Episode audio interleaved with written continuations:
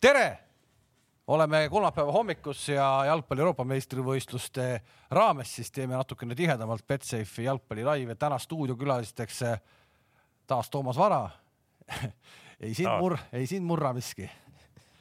Eh, Gerd Kams ja hea meel on näha siis täna esimest korda, aga ilmselt mitte viimast korda meie hulgas Karel Voolaid, tere. tervist. no sa oled meie saateid vaadanud, sa tead, mida oodata ikka olen jah, et, et elusse tuleb ju värvi juurde tuua, et kui seda saadet vaatad, siis läheb värvilisemaks.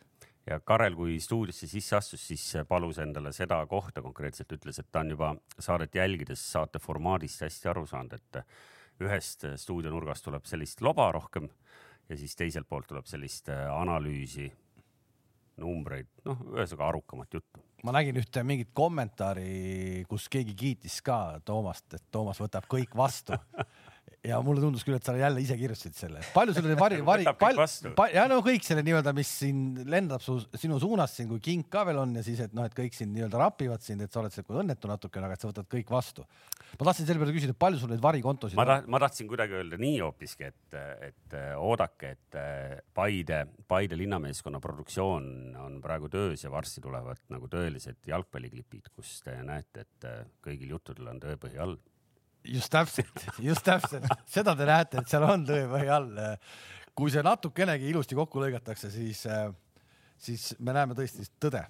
aga üks tõde me ennem kui jalgpalli Euroopa meistrivõistluste juurde läheme, siis kuna minu vasakul käel istub Paide linnameeskonna spordidirektor, kordame selle ikkagi üle, Gerd Kams ja võib öelda, et hooaja kõige tähtsama ülesandega tuua satsile normaalne vastane eurosarja, oled sa juba fail inud. eile siis potis oli üks jalgpallimeeskond ja kolm mingit täiesti kummalist punti, mille nimesid, no katsu välja, ütle mulle praegu, kui sa eile loosimist jälgisid, ütle mulle see Fääride pundi nimi. no raske on neid nimesid tõesti sellisel kujul välja hääldada, aga jah, üks Velsi punt, üks Fääride punt ja, ja üks punt oli Islandilt, eks, et, et noh me võime rääkida mis tahes nagu kontekstis seda hetkel, aga, aga selge on see, et see Wroclawist lask sellest nagu ütleme, potist oli selgelt nagu selline kõige nimekam ja ilmselt ka kõige tugevam meeskond nagu sportlikus mõttes. aga, aga, aga ega, ega, ega seal ma olen täiesti kindel, et seal ei ole kuskil, sa lähed sinna Fääridele, ma olen seal koondisega mänginud, me oleme peksa saanud, sa lähed sinna Islandile seal on kindlasti raske. Walesis selline ei, Briti jalgpall on ju, et see ja, ja. kuskil midagi lihtsalt niikuinii poleks olnud. eestlasel aga... ei ole kunagi, ainult loeme piiblit see... kogu aeg on raske. ei, ei, aga see, aga jah, sellest potist tuli kindlasti selles sportlikus mõttes kõige tugevam meeskond meile vastu kuidas te eile jälgisite seda loosimist, ma saan aru, kogu kontor istus koos äh, ja. ei, täiesti rahulikult Jaanusega istusime, istusime kontoris ja. oot, oot, oot, aga Messengeris tulid sõnumid, et hirmus kiire on, käed-jalad on tööd täis. aga see oli, see, see oli enne loosimist, mul oli tegemist, et tallate seal Messengeris, isegi Kalev on nagu selle Messengeri värgi nagu. ei, mina ei tallanud eile mitte midagi, minul ei olnud küll eile aega. ei, ei saa öelda, et tüütuks on läinud, no mingi vend teeb ju pool kaksteist videokõnesid, noh jaa, ta oli saunas. ta oli saunas, ta oli saunas ja see oli natuke selline kahtlane. okei okay,, ühesõnaga tagasi, see Slask on ikkagi siis kohe põhimõtteliselt võib selle eurohooaja siis nagu välja, selles mõttes hea lühike reis kähku koju ja. rahu, rahu, rahu, ega mängida on ka jalkat vaja, sa siin hakkad kohe siin pead liiva alla peitma. kaks mängu ju, Pärnu ootab ju kõigepealt mängu, mängu mängime Pärnus esimese kodus ja, ja siis võõrsil, et, et siin ei ole midagi, valmistume maksimaalselt ja, ja, ja, ja teeme teeme oma asja nagu. meenuta meile, mis kuupäeval esimene on? kaheksas juuli Pärnus ja viisteist on teine mäng siis äh, Wroclawis. Karel, kui sa vaatad praegu Eesti klubid hakkavad mängima eurosarja, me rääkisime maikuus juba, et see kalender on nagu kummaline, nagu ta on. nüüd me hakkame mängima eurosarja, mitte ainult Paide, Levadia, Flora hakkavad mängima eurosarja selle pealt, et kuu aega on olnud puhkus. on see kasuks või on see kahjuks? no see maist sai palju räägitud, et kõik olid kuidagi viimse piiri peale väsinud, et selge on see, et kes siin mängivad tiitli peale või kõrgetel kohtadel mängivad väikese ringi mängijatega ja siis kuhjub see ja veel koondise mängud otsa siin, et ega ta, ma arvan, et võib-olla see Slava kommentaar eile oli ka nagu täpselt see õige, et kui on nagu kõigil parimad rivis ja nagu terved, et see on nagu kõige tähtsam, et siis ma arvan, et see no e, kõikidel satsidel on tegelikult mängude põhi all, et, et väga palju mänge on juba ära mängitud, et me ei ole ju niimoodi, et kaks nädalat hooaja algusest ja kohe läheb euromängudeks võib-olla nagu nendel meie vastastel. aga ma usun, et, et jaksavad mängida küll, et eks see ka e Eesti liiga pigem, pigem tuleb kasuks. Eesti võistkondadel ei ole harjumust, et me mängime mingi välismängijate mingid sparringud enne neid euromänge, et me läheme alati Eesti liiga pealt neid mänge mängima, et seni on noh, kehvasti läinud, aga ma ütlen, meil on väga rasked vastased ka aastate lõikes siin olnud, et võib-olla Floral siin oli nüüd lõpuks nagu midagi sellist enam-vähem soodsat Mäng, ka mängitavat onju ja aga noh nägime Levadia pealt ka, et on mängitav vastane nagu paberil ja tegelikult ei saa hakkama, et see on suht keeruline. aga tegelikult Gert viskas mulle siia Betsafe'i särgi, et ma ise mõtlesin, et äkki siin vahel on kuskil see Paide linnameeskonna mingi vippkaart, et nendele kodumängudele või midagi, et noh, millele Paide mõtlema peaks, ma arvan, on see, et bussitäied, fännid ja kõik kohale, et isegi kui neid on viiskümmend või sada viiskümmend seal, ma arvan, et seal on vaja Frollil seal, et viis inimestki röögiks seal Pärnus, et, et Poola vastu kõik võib, kõik on võimalik. viiest juba väike osa on põhimõtteliselt äh, olemas, sest äh, vaatasin ise eile ja,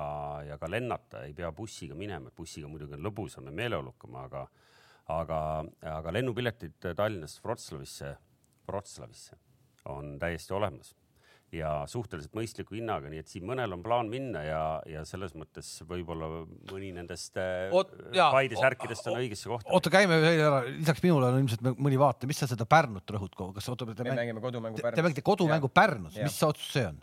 no sest, et Pärnus on hea väljak, Paides me väljakul ei ole ju vastavat kategooriat, et me seal mängida saaksime. aga miks Pärnu, miks mitte A Le Coq? sest A Le Coq'is mängivad Levadia ja, ja Flora juba. samal ajal jah? noh, samal ajal ma ei tea täpselt kuupäevade osas, aga, aga jah, seal mängivad Levadia Floraga, kuigi noh, kui me peaksime edasi saama, siis mingist hetkest ei saa ka enam Pärnus mängida. kuule, aga Pärnu, aga kas see oli mängijate või direktorite otsus, kas see on nagu, et umbes, et oh, et seal on odavam ja mehed ütlevad riietusruumis, kuule, kuule, et, et seal ju tuul puhub, eks ju?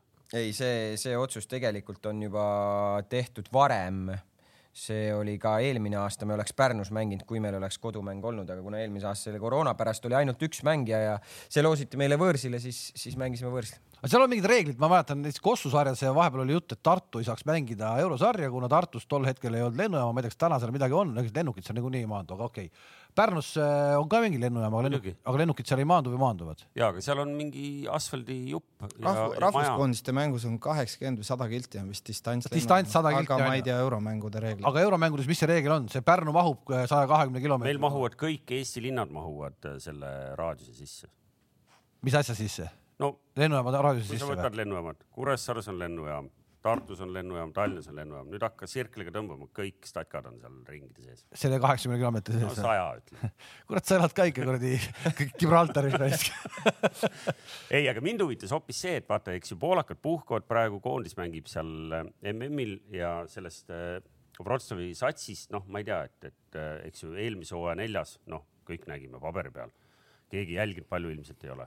mismoodi te nüüd hakkate kodutööd tegema, teades et Karel ütles siin eetriväliselt, et noh, poolakatel on ka nagu viimastel aastatel kombeks suhteliselt palju nagu roteerida mängijaid, noh, et ilmselgelt sa näed ise, kui sa vaatad eelmise hooaja mänge, sa näed nüüd mingisugust hoopis teist punti välja. jaa, Toomas, aga sellega on see täpselt, ega nad ju meie vastu ka ei tule päris nagu rannalt kuskilt lebamast, et neil on, ma vaatasin eile kolm-neli sõpruskohtumist enne seda ja, ja eks sa saad ju ikkagi eelmise aasta põhjal ka mingeid järeldusi teha või sa saad ju selle info kätte, kas peatreener on sama, sa vaad, saad vaadata, milline on peatreeneri käekiri. peatreener on sama?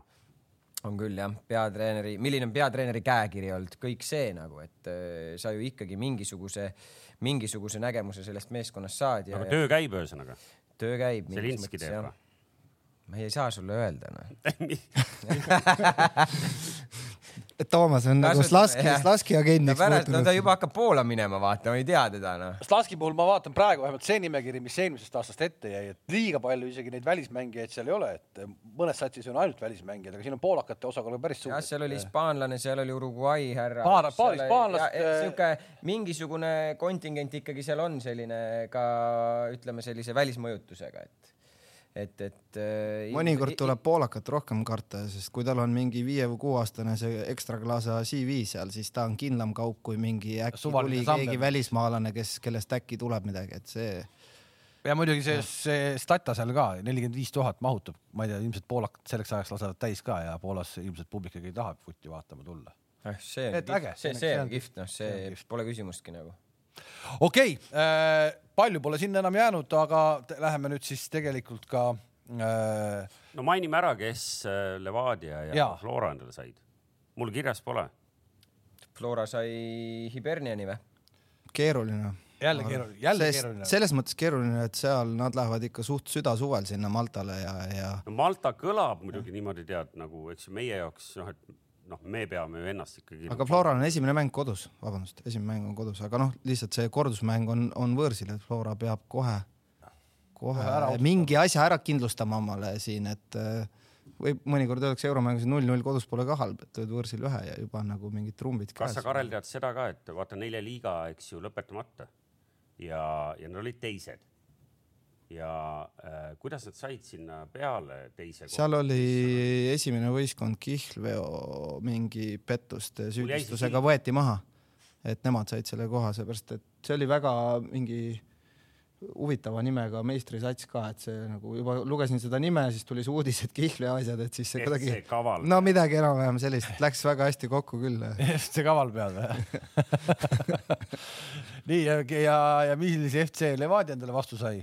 Gibraltar. Josephs jah neljas, Gibraltari neljas sellega, punt. sellega on mängitud ka ju, ei ole varem? ei, neil tegelikult. ei, nendega ei ole. seal on neli satsi on Gibraltar. Nad oleks peaaegu. ja eelmine hooaeg oli neil eh, põhimõtteliselt, kas seal oligi. üks vastastest võimalikest. kaks, üks vast-, võimalikest vastastest oli see St Joseph's. oota, kuidas Gibraltaril on võimalik neli jalgpallisatsi kokku panna? ei, seal on neid rohkem ka, Kalev. kaheksa vist või kuus on kõrgliigas. üheksa, ei kaheksa või üheksa ja. isegi, et, et seal on ja, ja sa naerad, Kalev. ma käisin seal, me Floraga käisime. seal on inglise. ei, ma olen seal ka käinud lihtsalt nagu niisama. seal on inglise, inglise-hispaania poisid käivad üle piiri mängimas no., seal käib niimoodi see asi seal et see näiteks see Lincoln Red Imps, millest siis noh, okei okay,, tänasel hetkel ma ei tea, seal on mingi FC Euroopa ka nagu, mis seal vahepeal domineerib ja ei domineeri, aga kui me selle Red Impsiga seal kaks tuhat kuusteist mängisime samamoodi suvel, lennuk tõuseb õhku, väravat hakkab pikka palli panema, kõigepealt ehmatad ära nagu, et mis toimub, onju. Esiteks see väljak nagu seal on ka selline, nagu ta on, siis seal on kolmkümmend kraadi sooja, siis see pall seal ei liigu, ega nad ju ei kasta, nad ju treenivad sellel väljakul iga päev. See on nende jaoks nagu eelis seal, noh, sest et see peale meid käis seal Celtic ka ju, Brendan Rodgersi esimene mäng oli Colo Duresel ei saanud üldse aru, mis väljakul me nüüd mängime ja Celtic sai peksa seal sellesama, selle Lincoln Red Imsi käest üks-null. seal on, seal on peaaegu sama... nii, et lennuk maandub enam-vähem väljakule? ma just tahtsin juhtida tähelepanu, eks ju, sellisest väikelinna, väikelinnast pärit jalgpalluri monoloogile, kus nagu lennuk lendab ja see hirmutab mängijaid ja noh, siin kuulis praegu ikka uskumatuid nagu vabandusi, mis kõik segas nagu jalgpallurit tol ajal segab ka tänapäeval aga ma arvan, see kunst on seal selline, et seal oli kõva võitlus ju UEFA-ga, et, et neid mänge mängides nad panevad selle uue kunsti maha, ütlevad, et noh, kõik on tipptase, aga ma arvan, et see on kahe kuuga seal nagu teerull käib üle, et terve riik noh, nii palju kui seda on, on selle väljaku peal hommikust õhtuni, seal on seal lapsed, seal on kakskümmend neli tundi. lapsed, naised, tüdrukud, et ma arvan, et see, see karv on seal ikka täitsa nagu külili. Riias jäähoki jääajad on kinni, seal on ühes, ühes tata peal on kõik kinni kogu aeg. kuule, aga nüüd ikkagi Euroopa meistrivõistlustest ka, sest kell tiksub armutu kiirusega ja, ja, ja hakkavad siis teise ringi mängud peale, ütleme kohe ära ühe Betsafe'i uue kliendi pakkumise ja see on üsna magus. Toomas kindlasti vaidleb vastu, sest eh, Soome särk on seljas. Venemaa alistab Soome ja koefitsient on kolmkümmend viis ja panustada saab siis ühe euro ehk siis uue kliendi pakkumine tundub jälle, et eh, vedeleb see kolmkümmend viis eurot maas.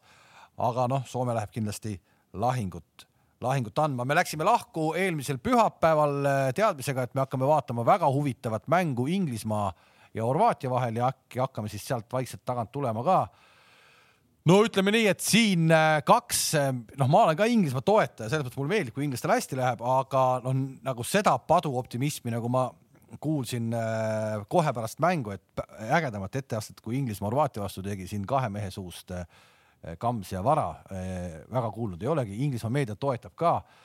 aga noh, faktid räägivad ise, okei okay,, kolm punkti, kõik on hästi aga muu statistika oli ju kõik võrdne. uskumatu, ma nagu vaikselt nagu kogu aeg saan aru, kui, kui kehvasti Kalev nagu mingitel hetkedel seda nagu biiti nagu tabab, ehk no.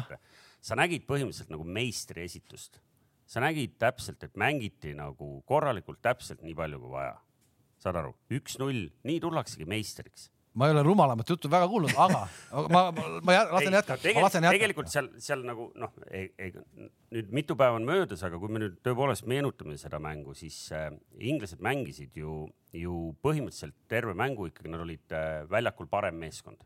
võib-olla natuke liiga vara hakkasid nagu konkreetselt seis hoidma. ma umbes, umbes mingi seitsmekümnendal minutil tegin enda jaoks nagu märkme, et võib-olla tähendab noh, peale seitsmekümnendat tegin märkme, et äkki nüüd natuke liiga vara hakati nagu konkreetselt nagu seisma. aga, aga tegelikult nagu tulemuse ja mängupildi mõttes oli, oli kõik okei okay. eriti kui sa arvestad veel, et noh, mingi, mingi, eks ju noh, kõige kõvem mees, Harry Kane, noh, oli suht pimeduses, eks ju, noh, sul üks mees on täiesti veel nagu, kes sul vastane hoidis, ei hoidnud teda pimeduses, vahet pole. Sul on üks mees veel nagu, nagu välja tuua varjust. korra, korra see defineeri nagu pimeduses korraks, et no. mida, mida see nagu tähendab, et kas ta nagu kuidagi no me jõuame siin tänase saate juures veel vaata Levandovskide ja meesteni. no Keini, Keini puhul ma toon lihtsalt, ma hakkan natuke numbrit ka pilduma. Kein tegi nii puuteid äh, kakskümmend kuus rohkem kui vastaste äh, ründaja seal Perisic näiteks, et äh, või Anto Rebic, et see oli, sellel oli siis kakskümmend kaks ja vist kolmeteistkümnest söödust ainult kuus läks kohale, selles mõttes mängis Kein ju oma positsiooni paremini ära kui horvaatide ründaja. et ta oli, ta oli mängus ikkagi rohkem sees. ja ei noh, vaata ühesõnaga, et, et nüüd valesti aru ei saaks, ma alustasingi sellest, inglased tegid kõik õieti, sealhulgas ka Harry Kane lõppkokkuvõttes. Harry Kane lihtsalt, kui üks päev lööb veel paar väravat ka, no siis, siis ei ole üldse. Kane ei ole veel lööma hakanud, aga kõigepealt peaks üldse sellest alustama, et mees ju tõmbas ju vaata selle suure ju lipu, Inglismaa lipu ka endal seal ülesse nagu. see ta, ta enda, ta enda arust küll pani Taani lipu. jah, ta tahtis Taani lipu panna, aga see on nüüd Inglismaa. see aga... lipp, mis seal ripub, on käinud ikkagi ka kohtades selge see, selge see, aga mäletate, kui me siin eelmine kord oli meil Krisiga kõne ja Kris ütles, et noh, et ei tea, et mis see Southgate valib, et tema läheks nagu viiega taga nii. ja, ja nii edasi. tuli neli. tuli neli, neli, kaks, kolm, üks puhas, rääkisime sellest keskväljast, et kas see keskväli Inglismaal on piisavalt kogenud seal Modritsi ja ja, ja Brozovic ja kes seal vastu tulevad päeva lõpuks nagu tegelikult nagu, nagu me ka seal omavahel nagu mingi hetk seal suhtlesime Äh, selline, inglased ütlevad selle kohta nagu solid, solid performance nagu.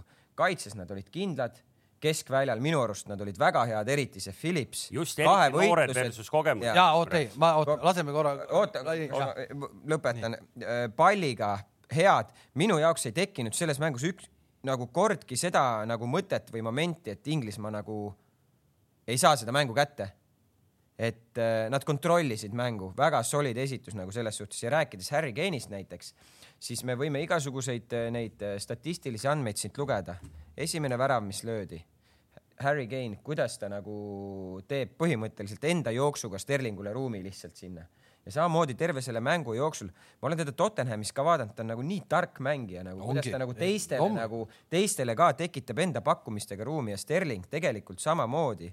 sellised sügavad jooksud, õigel ajal jooksud, väga head pakkumised, et, et minu arust inglased nagu ise ütlevad, solid, solid performance nagu see kõik, see solid performance oleks võinud äh, ka lõppeda näiteks lihtsalt ühe Horvaatia väravaga, mida, mis või mis oli ka olemas, et see, ma saan aru, see üks-null võit ei ole ikkagi nagu nii, ainuke asi, mis oli tõesti solid, oli inglaste esimesed kümme-viisteist minutit. see, kus nad peale tulid ja sellest taktikast ma sain väga hästi aru. tapame nad kohe ära, sest et, äh, et see, see, see, ma saan aru, et see ilm seal Wembley'l oli ka nende jaoks liiga, liiga nagu hull. esimesed kümme-viisteist minutit, Karel, kas võis olla selline mõte, et davai, lööme kohe ära et siis on rahulikum natukene, sest kuskilt jäi mulle silma, keegi ütles ka, et eh, nii-öelda, et päike, päike lõi mingi hetk pähe ära, et eh, enam ei olnud lihtne mängida. no inglaste stiil on eh, üldse selline, ma arvan, et seal riietusruumis mängijad kütavad ennast korralikult üles ja neil on sellised huvitavad märksõnad seal noortes ka, et let's test the players ja let's test the opponent and let's try high speed. Ja no nad nagu kasutavad siukseid lühikesi märksõnu ja siis nad ju lüppa, lükkavad selle rulli käima ja nad teavad ka, et horvaadid ei ole nagu sellised noored poisid, et nad on küllaltki sihuke kogenud võistkond, aga noh, nad nagu võib öelda, et Horvaatia on sihuke finaalturniiride võistkond ka, et, et me ei saa nende vanade taatidega väga sinna lõpu peale midagi jätta, et paneme kohe nagu tempo peale ja britid oskavad ju äh, nagu Premier League'i näolt nagu selliseid erinevate tempodega mänge mängida, kas siis väga terava algusega, hoog maha, seal võib-olla lõppude peale, kui vaja, liinid hästi alla, kompaktselt. et selles mõttes ma arvan, inglased jah, et äh, lihtsalt horvaatidest niimoodi hüpates horvaatide peale, ma arvan, nende jaoks on niisugune loll grupp, et nagu jube füüsilised vastased on kõik. Neil oleks vaja niisugust Austriat Soomet, võib-olla Ungarit kes, või kes kellega seal nagu nikerdada, nokitseda midagi, kes ei ole sellised nagu masinad. sa vaatad praegu neid vastaseid, et neil läheb korralikuks nagu tampimiseks seal ja noh, nad peavad hakkama riske võtma, et nad ei saa niimoodi tiksuda sealt alagrupist niimoodi sujuvalt läbi, et eh, inglased näitasid neile kohe ära, et see kõrge tempoga ja füüsiliselt võimsad duellid, et seal horvaatidel tuleb juurde panna. ma julgen küll arvata, et äh, Šotimaa neile meeldib vastasena. Šotimaa on lihtsalt nii puine, ta võib olla füüsiline, aga ta lihtsalt on nii puine.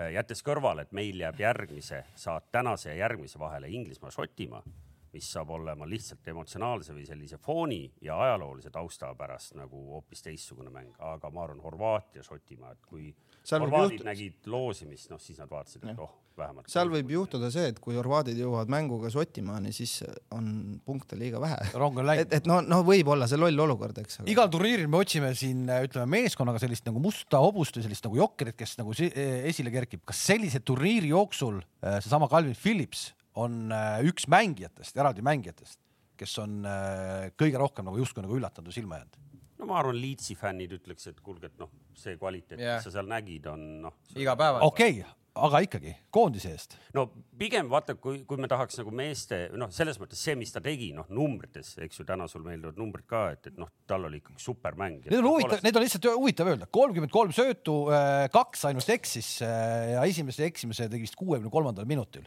no see näitab ikkagi nagu noh, positsiooni, kus ta mängis ka veel, eks. mina, no, mina arvan, et ta on seda tüüpi mängija, kes tahab ennast mängida maailma eliitpilti, ta on nii näljane praegu, et ta ei ole see Henderson äh, Liverpoolis, kes on nagu tõestanud ennast, palk olemas, CV juba selja taga. tema tahab mängida sellisesse Real Madrid, BSG või midagi sellist, Mänu või kuskile sinna pilti. tõsta oma, no näiteks tõsta oma aktsiaid äh, ma sain aru, et Karol luges Liitsis... ette terve hulga nagu jah. top, top klubisid. või, või siis, või siis Liitsis isegi nagu midagi üles, et noh, kes see, see, kes elab Inglismaal, ma ei tea muidugi, mis ta pea sees toimub mängijana, aga selge on see, et ta on ikka väga näljane nagu, et ta tahab tahab mitte Inglismaa koondises olla üks parimaid keskväljamängijad, aga ma arvan, ta tahab sellises nagu, neil käib see teine maailm ka veel, mis sinna paberi peale kirjutatakse. aga siis noh, kui sa tood selle näite, siis on jälle huvitav võtta Vara-Toomase lemmik Paul Pogba, eks ole, kes ei saa, klubis ei saa nagu üldse hakkama, tuleb koondisse. no Deschamps on tema, see on tema punt. see, on tema, see on tema punt. müstiline teema, kuidas see, kuidas see käib nagu noh. see nii käibki. aga see ongi sellepärast, et juba korra siin mainitud Manu, eks ju, et noh, et, et ühes seltskonnas sul on kohe ümberringi kvaliteet ja teises on siis nagu hulgaliselt selliseid puiste jalgadega, eks ju, tugevaid mehi. noh no., kumb see kumb nüüd on, ise saate aru, eks ju. jah, okei okay ei, aga, aga noh, selles mõttes tõesti, et nagu, nagu Calvin Phillipsi mäng ja, ja Gert juba ütles ka, et, et kui me nagu siin targutasime enne mängu ja mõtlesime, et noh, põnev on vaadata noored versus kogenud, eks ju, seal keskväljal.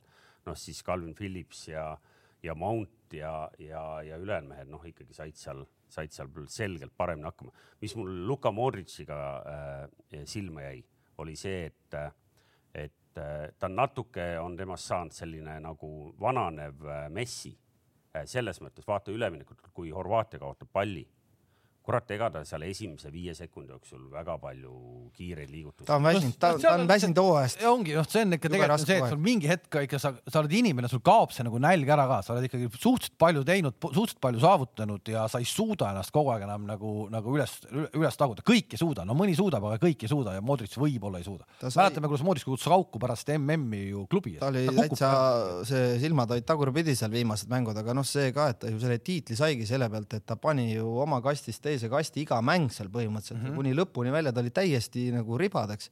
ja nüüd noh, ei teagi, et kas ta noh, sa ei saa niimoodi, et alustan rahulikult ja pärast siis hoian oma energiat, aga kuidagi tunne on see, et noh, ta, ta vist on nii kõrges mängus juba, et ma ei tea, kui näljane ta sellel EM-il on või kui palju ta jaksab vedada seda vankrit, et et päris, ma ütlen, Horvaatial on nagu noh, ta on väga keerulises alagrupis, et vaatame ühte, ühte nime veel, Kieran Trippieri valik siis äh, sinna, kuhu ta pandi kõik ahetasid ja ohetasid, kui algkoosseisud välja tuli, et miks see nüüd nii läks. Äh, ja siis, kui nii-öelda mäng läbi oli, siis öeldi, et äh, Southgate on jumal ei öeldud ju, no ma arvan, et kui üldse. ma, mulle jäid silma, kuuskümmend viis miljonit oleks teinud teise valiku, aga näe, Southgate tegi ühe siukse valiku, ma nägin selliseid pealkirju. No, lõppkokkuvõttes ta ei fail inud selle valikuga. et äh, me kõik arvame, aru saavad, miks ta selle tegi, eks ju, noh, Diego Simeone käe all korraliku hooaja teinud äh, mees, noh, ilmselgelt tahtis, et kaitses oleks nagu kindlus. just ja, ja noh, Ben, minu meelest oli nagu kõige üllatavam oli see, et Ben Chilwell ei mahtunud isegi pingi peale. noh et, et sa otsustasid, et okei okay,, su vasak äär tõuseb veidi vähem, ega, ega ta ei ole sihuke nagu tuim tükk, kes seisab seal oma tsoonis kaitses, vaid noh, ta ikka käib kõrgel. vastaste väljaku, vastaste, vastaste väljaku poolel kolmkümmend neli söötu, kõige rohkem. jah, et, et kindlasti oli see, see nagu inspireeritud sellest, et hoida nagu igaks juhuks veidi nagu. tasakaalu. jah ja, ja, ja, ja läks, läks hästi. noh, ma ei ütle, et ta nüüd tegi maailma nagu kõige parema mängu, noh, võib-olla meil noh, ma olen, noh, ma ütlen otse nüüd välja, eks ju, Ben Chilveli fänn rohkem ma oleks tahtnud seal Ben Chilveli näha ja, ja võib-olla ikkagi seda viiest, kolmest. Äh, ma, ma selles suhtes ma, ma olen nõus äh, Toomasega, et ma oleks tahtnud ka Chilveli näha puhtalt nagu selle, selle, selle, selle külje pealt ka, et esi, esiteks nagu Chilvel mängib vasaku jalaga enda mugavamas pooles, see on tema naturaalne positsioon ja, ja Chilvel on rünnakul ka veel, tal on hea tsenderdus vasaku jalaga.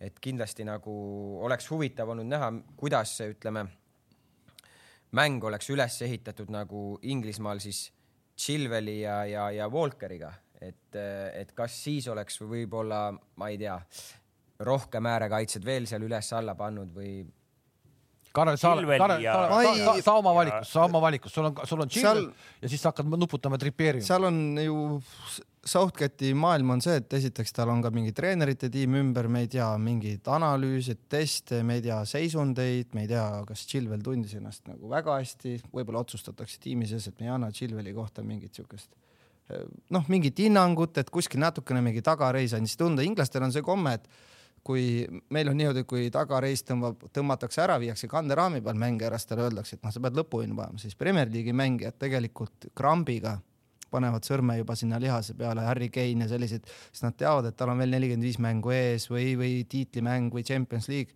me ei tea, et võib-olla trennis seal korra, Chilwell tegi korra, hoidis korra reielihasest kinni, Medical ütles Southgate, Trippier on masin, kõik on korras, hoiame teda, aga infot välja ei tule sest muidu hakkab jälle mingi, Inglismaal hakkavad ju lehe, ajalehed kirjutama, et, et mis siis äh, väikese sellise lihasvigastusega nüüd siis Silvel ei saa mängida või hakka, siis hakkab põhjendama seda me, me me ei seda tegelikult ei tea või siis Trippieri mingi keemia seal tema ümber olevate mängijate, ma ei usu, et ta nüüd seal selle äärepooliku vastu seal midagi üle mõtlesid, et, et ta on üks-üks parem näiteks kaitses või midagi, aga ma arvan, et äh, Trippier tegi hea hooaja ja ma arvan, ta on selline võib-olla ka särtsakas kuju seal riietusruumis ja tal oli vaja teda väljakule panna, et neid. Chilveli kasuks teoorias räägib veel see, et, et niikaua kui Phil Foden on ka väljakul, siis need kaks meest oma õigel äärel, eks ju, toimetamas, noh, see oli, me nägime, et Chelsea's töötas ikkagi hästi Chilwell ja Foden ei mängi ühes meeskonnas. vabandust, vabandust, äh, Mount. Mount, võib-olla Abramovitš, võib-olla Abramovitš mõtleb nii praegu, ega me ei tea, Toomas võib-olla. ma nägin täna, ma, ma, ma nägin täna hommikul seda äh, klouni kompaniid jälle seal pildid olid teinud meilis. seda Raio Minola kommentaari praegu. Haaland, Haaland oma, Haaland oma klouniriietes jätkuvalt Kreekas pidutseb, ma ei tea, kas te olete pannud seda, seda seebiooperit ka tähele? ei ole sellega jälle keskendunud praegu. ma nägin mingit klippi, kus nad olid Mahresiga. ja just, just sellest tehti, sellest tehti juba ju see pealkiri, et ilmselt City's mängivad koos. Aga no see Haaland, no see, mis, mida see mees praegu korraldab seal Kreekas, no ma ütlen, suur, suurt mängijat sealt ei tule, noh, see, see on ikka, see lastetuba on ikka natuke käest ära, aga okei okay,, see on minu arvamus.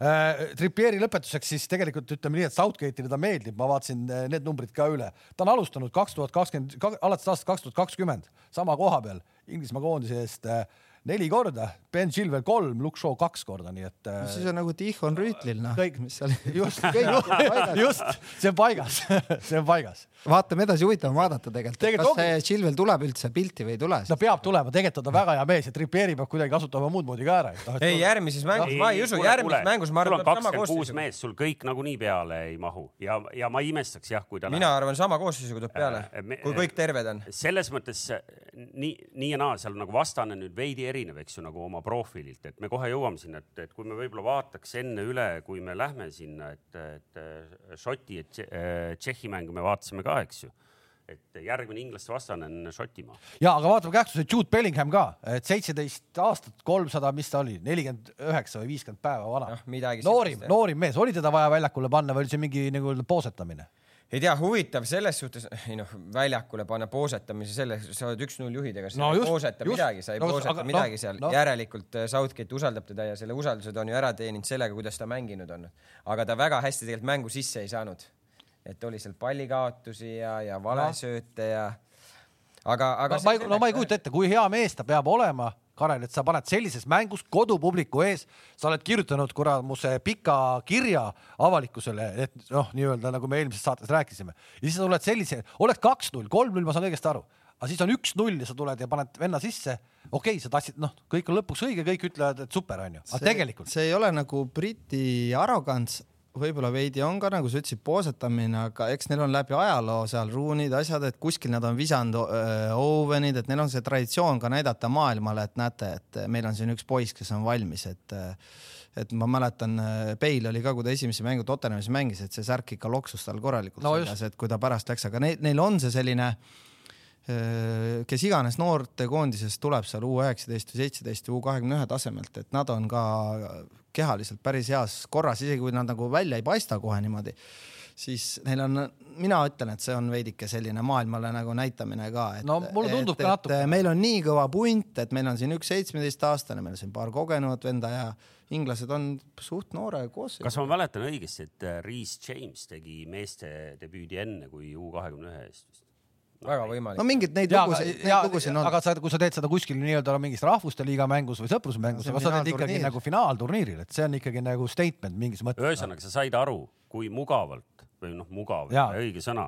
seisult üks-null. no tunneb, äh, seisult üks-null. kui, kui kindlalt tunnevad mängijad ennast, see oli kindel, solid nagu. aga mis see lepingu teema oli, löödi lukku ära see pikendus tal juba Southgate'il? sellest me rääkisime eelmine kord, minu arust, minu arust äh, jutt oli küll, aga ma ei mäleta, kas see oli official sest ka. kui see on official, kujutame isegi taba, tagatubades, et siis seal on julgem neid käike teha. no päris julgelt igatahes neid käike tegi, lihtsalt, et äh, üks teine meie lemmikmängija Goran Pandev kuidagi oli vist kaheaastane või kaks aastat läks Bellinghami sünnini aega, kui Pandev tegi koondise eest juba debüüdi et äh, Pandev, Pandev oli juba kaks Champions League'i finaali ära mänginud. põhimõtteliselt jah, et Bellingham sündis, siis ütles tere maailm. Pandev on nagu Oliver Venno, need äh, kaks lisakilo ei sega meistrit. ei sega, kui vaja on, siis ei sega ühesõnaga, inglased on ülitugevad, ma saan aru äh,. ei, ülitugevad ma ei ütle, kui sa küsid, kes mulle kõige parema nagu. ma, ma küsin ja küsin. ma ütlen kohe ära, ikkagi ma jään selle juurde, esimesest ringist ei jäänud mulle ükski sats nii sümpaatseks või sümpaatset mängu teinud, kui oli Itaalia. ja ma olen nõus. seda ma ootan, ma tegelikult ka see Itaalia tegi väga. ma panin teile ka selle nagu vaatasite üle või, kuidas ei. ikkagi võeti see laul, laul, laul, üles. ta pani hümni video, ta vaatab laule, no ta on see. seal ei noh, seal sa näed ära nagu. kõik, kõik, muidugi ma näen, muidugi ma näen aga ütleme ära siis ka Inglismaa-Šotimaa koefitsiendid. Äh, Inglismaa üks kolmkümmend üks äh, on nende võit, viik on Betsafe'is viis koma viiskümmend, Šotimaa võit kümme koma viiskümmend. kui me läheme selle Šotimaa ja, ja, ja, ja Tšehhi mängu juurde, siis kas me näeme šotlastel võimalusi või me ei näe, kui sulle lüüakse ikkagi Euroopa meistrivõistluste ajaloo rekordiline värav kauguse mõttes, siis ikka ilmselt noh, mõni ütleb, et ei ole mänguks valmis või? David Marshall, Marshall oli mänguks valmis või ei olnud? oot, oot, mõni ütleks, et, et võib-olla ühe konkreetse ründaja kvaliteet otsustas selle mängu ära, ma ei taha šotlasi kuidagi kaitsta, ma ise siin alustasin, eks ju, statement'iga, et šotlased on parajad nagu puujalad, et noh, kõik on atleedid, aga, aga noh, seal, seal oli nagu huvitavaid otsuseid ka nagu algkoosseisus, seal oli noh, nende kõige kiirem ründaja, Che Adams alustas pingilt, eks ju, ja kaks, noh, ma, ma huvi pärast läksin vaatama, et Ryan Christie ja ja, ja Dykesi äh, nagu hooajanumbrid, noh, Dykes Queen's Park Rangersis äh, championship'is tegi veel enam-vähem, lõi neljakümne kahe mänguga kaksteist, eks ju. aga näiteks noh, Kristi Celticus oli noh, ründaja kohta ikkagi väga hale, kolmekümne nelja mänguga viis väravat, noh et ja, ja mõlemad, noh, sa näed, on, on aeglased, noh, nad on siuksed vanakooli mehed, eks ju, noh, siukse, kui me tahaks nagu siin utreerida või klišeede kaudu rääkida, noh, ongi siuksed vana Briti jalgpalli siuksed ma ei tea, kuidas te nimetaksite siin professionaalide keskel leida. rammime läbi mehed. jah, ehk et Che Adams. saja meetri, saja meetri võistlustel Papeele kaotaks seitsmekümne meetriga oi,. oi-oi, noh, ärme räägi, see oli hirm, see oli päris jube. Papee teeb kätega niimoodi, kui üks pakkude pealt tõuseb. okei jah, ehk et, ehk et selles mõttes noh, seal oli ikkagi, aga mängu otsustas ära noh, nagu üks mees, üks, üks kassis kuradi peaga ja siis noh, see Marshalli vastu no,. Tšehhide väravat, kui vaadata valiksarja, siis äh, seal oli ka ikkagi väga suur protsent tuli standarditest äh, ja nad ikkagi oskavad neid ja kui see Šiki-sugune mees seal on, siis ta ikkagi lööbki need ära.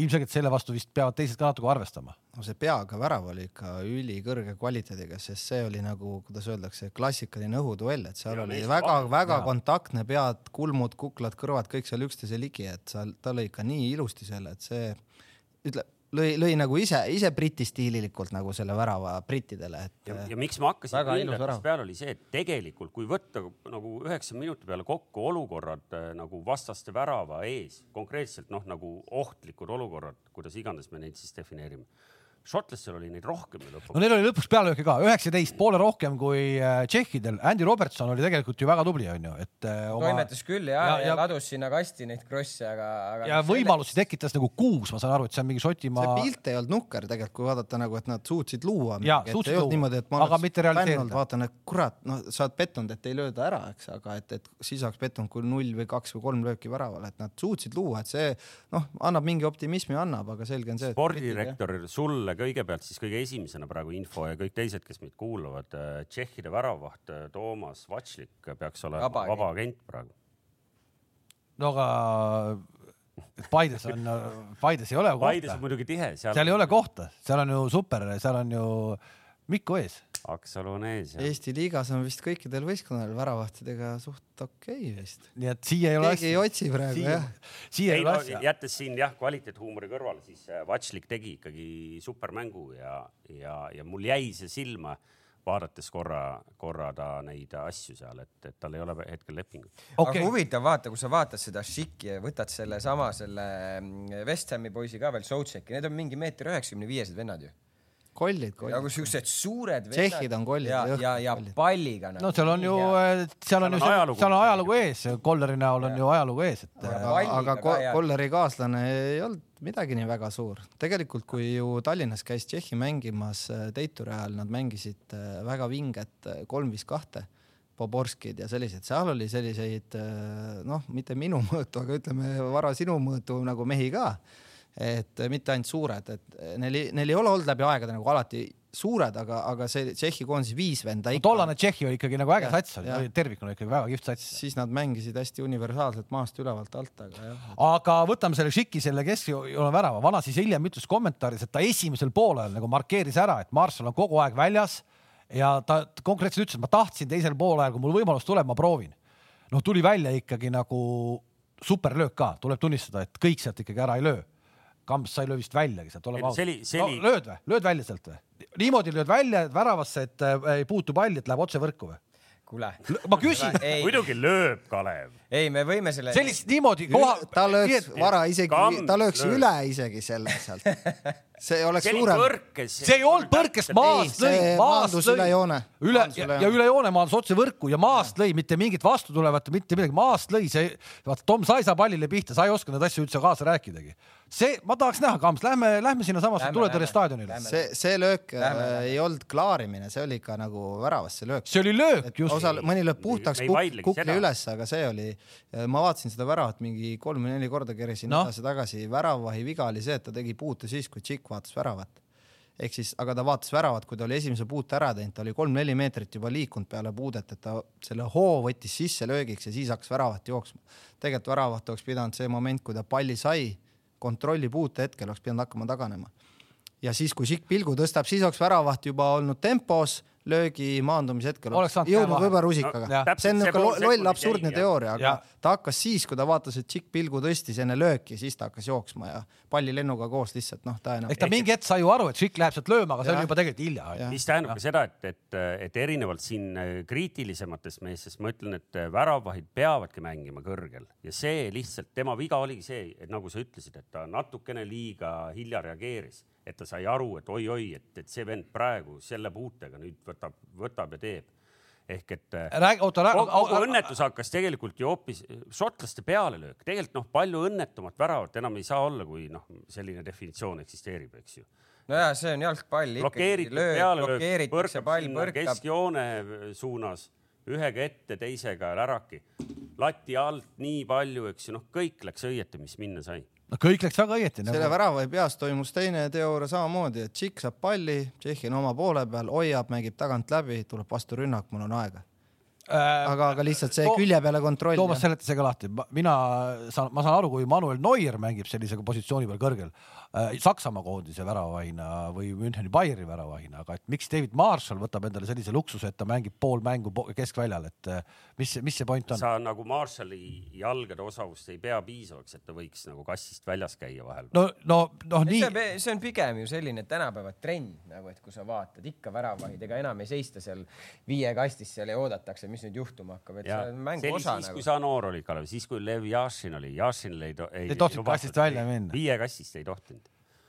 Me ei tea mängueelset infot ka seal, väravate treener ütleb, et tšehhid tulevad vahepeal liini taha ka, hoia optimaalset distantsi, tule sealt neli-viis, ma ei tea, jardid ja mis iganes nad nimetavad, tule veel veidi. kas, aga, mängu... aga kas seal mängu käigus oli seda nagu nii palju näha, et oli ta nii-öelda just nagu... ta ei olnud nii räigelt kõrgel üldse. see hetk ta oli veidi kõrgemal. oli, oli aga kuidagi nagu. terve mäng, sa ei saa öelda. mulle, mulle tundus, et ta oli nagu, ta oligi nagu, nagu sellest nii-öelda rutiinist väljas, et ta oli kuidagi seiklema läinud sinna, kus ta tegelikult ei tohtinud olla. miks ma ütlen, et ta ei olnud nii räigelt kõrgel, eile õhtune mäng, mille juurde me jõuame nüüd millalgi, eks ju, see Saksamaa-Prantsusmaa noh, seal, seal sa nägid, Neuer tuli ikkagi nagu positsioonirünnaku all tuli, tuli keskjoone peale. no just ja, ja Seemes käibki jah, Seemes eh, läbib, see läbib ikkagi rohkem kilomeetreid võib-olla kui mõni väljakumängija seal eh, rahulikult, aga aga kokkuvõttes me nägime ikkagi siis Euro meistrivõistluste finaalturniiri ajaloo kõige kaugemalt löödud väravat, seda vist aga loetakse aastast tuhat üheksasada kaheksakümmend, seda päris statistikat tehakse ja.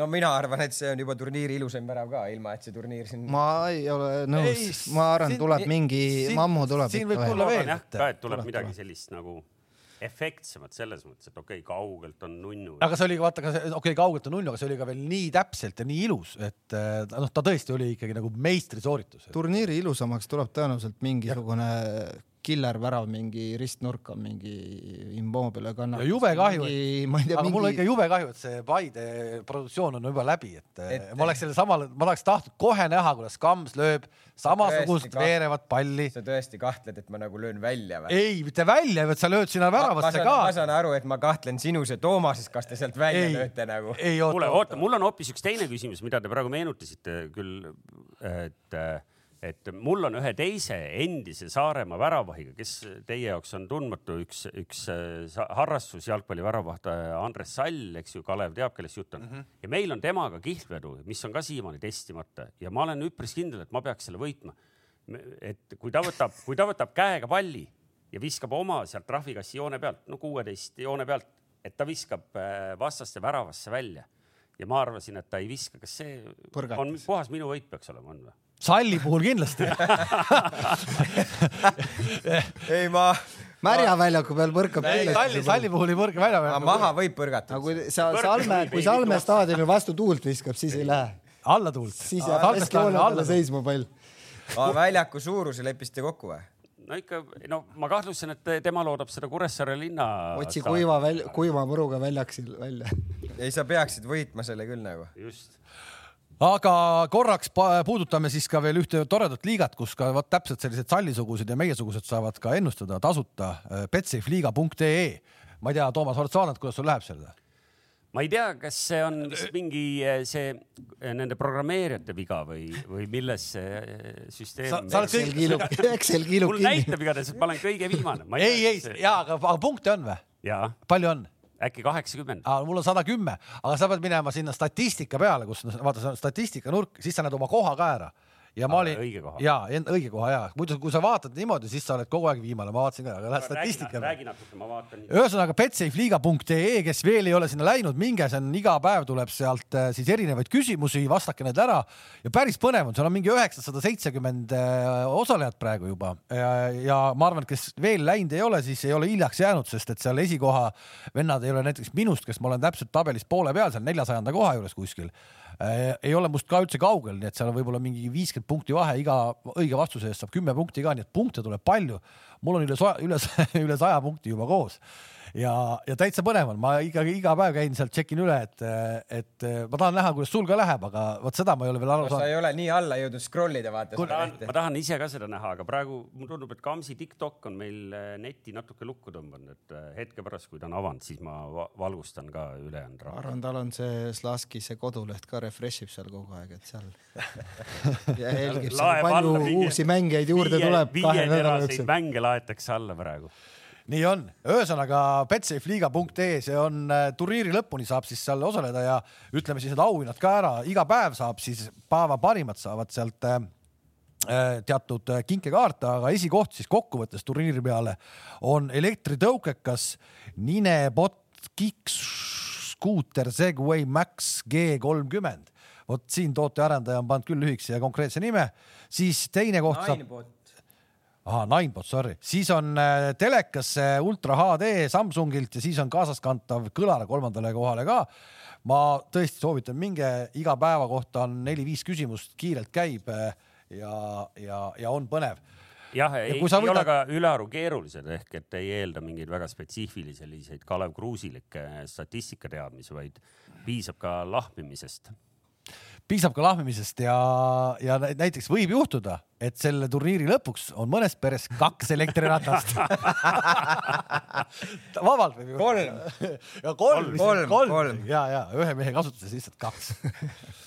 okei okay., äh, võtame järgmise mängu ka, mis meil siin on siis? Äh, no mis vahele jäid veel? Äh, no Holland Lähme jah, selle, selle alagrupi, C alagrupi juurde, kus siis Austria, Põhja-Makedoonia ja, ja Holland, Ukraina, et Austria, Põhja-Makedoonia võib-olla, võib-olla siin Eesti jalgpallisõbra jaoks sellised natukene nagu vähem atraktiivsed satsid, aga, aga ma ei tea, mis meil silma jäi. no Pandev äh, nagu Soomegi siis äh, esimene värav, esimene nii-öelda pealelöök ja kohe värav ja Pandev siis kolmekümne seitsme aastaselt äh, debüütvärav ja ma saan aru, et vist läbi aegade vanuselt teine mees. no Pandev Pandeviks, et me nägime teda Tallinnas ka, eks ju, kus mehe klass on selline, et tuleb ja, ja noh, ilmselt oli tal tol hetkel veel paar kilo rohkem kui praegu, eks ju aga. praegu ta on vorm, vormi ajanud ennast. praegu on ennast vormi ajanud jah. ta mängis õnneks nii vähe Itaalia liigas, et ma ei saanudki aru, kas sinna läks presidendilt, Makedoonia presidendilt kõne sinna, mis pundis ta oli seal? kas ta oli Genos? Genos jah, see vanakeste pundis, et seal, et hoidke Pandevit palun, et ega ta väga palju seal peale ei saanud, et jäigi siuke mulje, et ma ei tea, kas palus ise klubi presidenti, et, et ärge mind siin puruks mängitage nagu. okei okay., sest äh, mina olen endale märkmetesse kirjutanud esimese poole järel, et, et väga lustakas jalgpall oli iseenesest, et kui sa istusid neutraalse vaatajana teleka ees ja siis käis selline noh, nagu servast serva, eks ju, ja, ja andmine käis, et kui sul kellegi poolt polnud vaja hoida Äh, selle üks-üks värava ajal ma imestasin, et seal suuremat mingit vaidlust ei tekkinud, minu meelest oli, oli Austria väravahil oli pall juba tegelikult nagu süles, kui sinna kontakti mindi, aga, aga noh, ma ei tea, kas me peame nüüd nii detailidesse minema, et, et et äh, ma ei tea, võib-olla see kuskil ka Austrias või, või Põhja-Makedoonias on mingit elevust tekitanud, et. mingit väga suurt nagu juttu sellest ei, ei. sellest ei olnud, aga küll tegi siis ühesõnaga Austria esimene võit suurturniiridel tuli ka ikkagi ära, aga see Arnautovitši käitumine on tekitanud siis äh, no, väga palju juttu. andke mulle andeks, on klassikaline serblane no,. ja aga, aga, aga, aga, aga, aga, aga, aga mis, aga mis kuradi asi sellel nagu osadel nagu jalgpalluritel kogu aeg on selle nagu selle nii-öelda äh, noh no mis, noh, nende laused.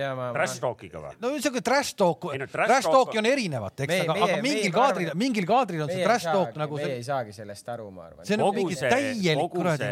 kogu see äh, serblaste, kogu see Makedoonia, albaanlaste, kogu see etniline, see nagu taustkonflikt, see on nii tundlik, et noh, meil pole mõtet siia sisse minna ja äh, mis oli tegelikult sümpaatne, oli ju tegelikult see, et vaata, kui ta, kui ta tegi seda, vaata, kui näitab hiljem neid korduseid, kui ta seal räuskab siis ju tulid tema enda ausad vennad tulid ja hoidsid tal. Alaba, Alaba. Alaba noh, oli ikkagi nagu, vä nagu väärikas kogu selles olukorras, et kuradi noh, tegelikult ka noh, tegelikult ka noh.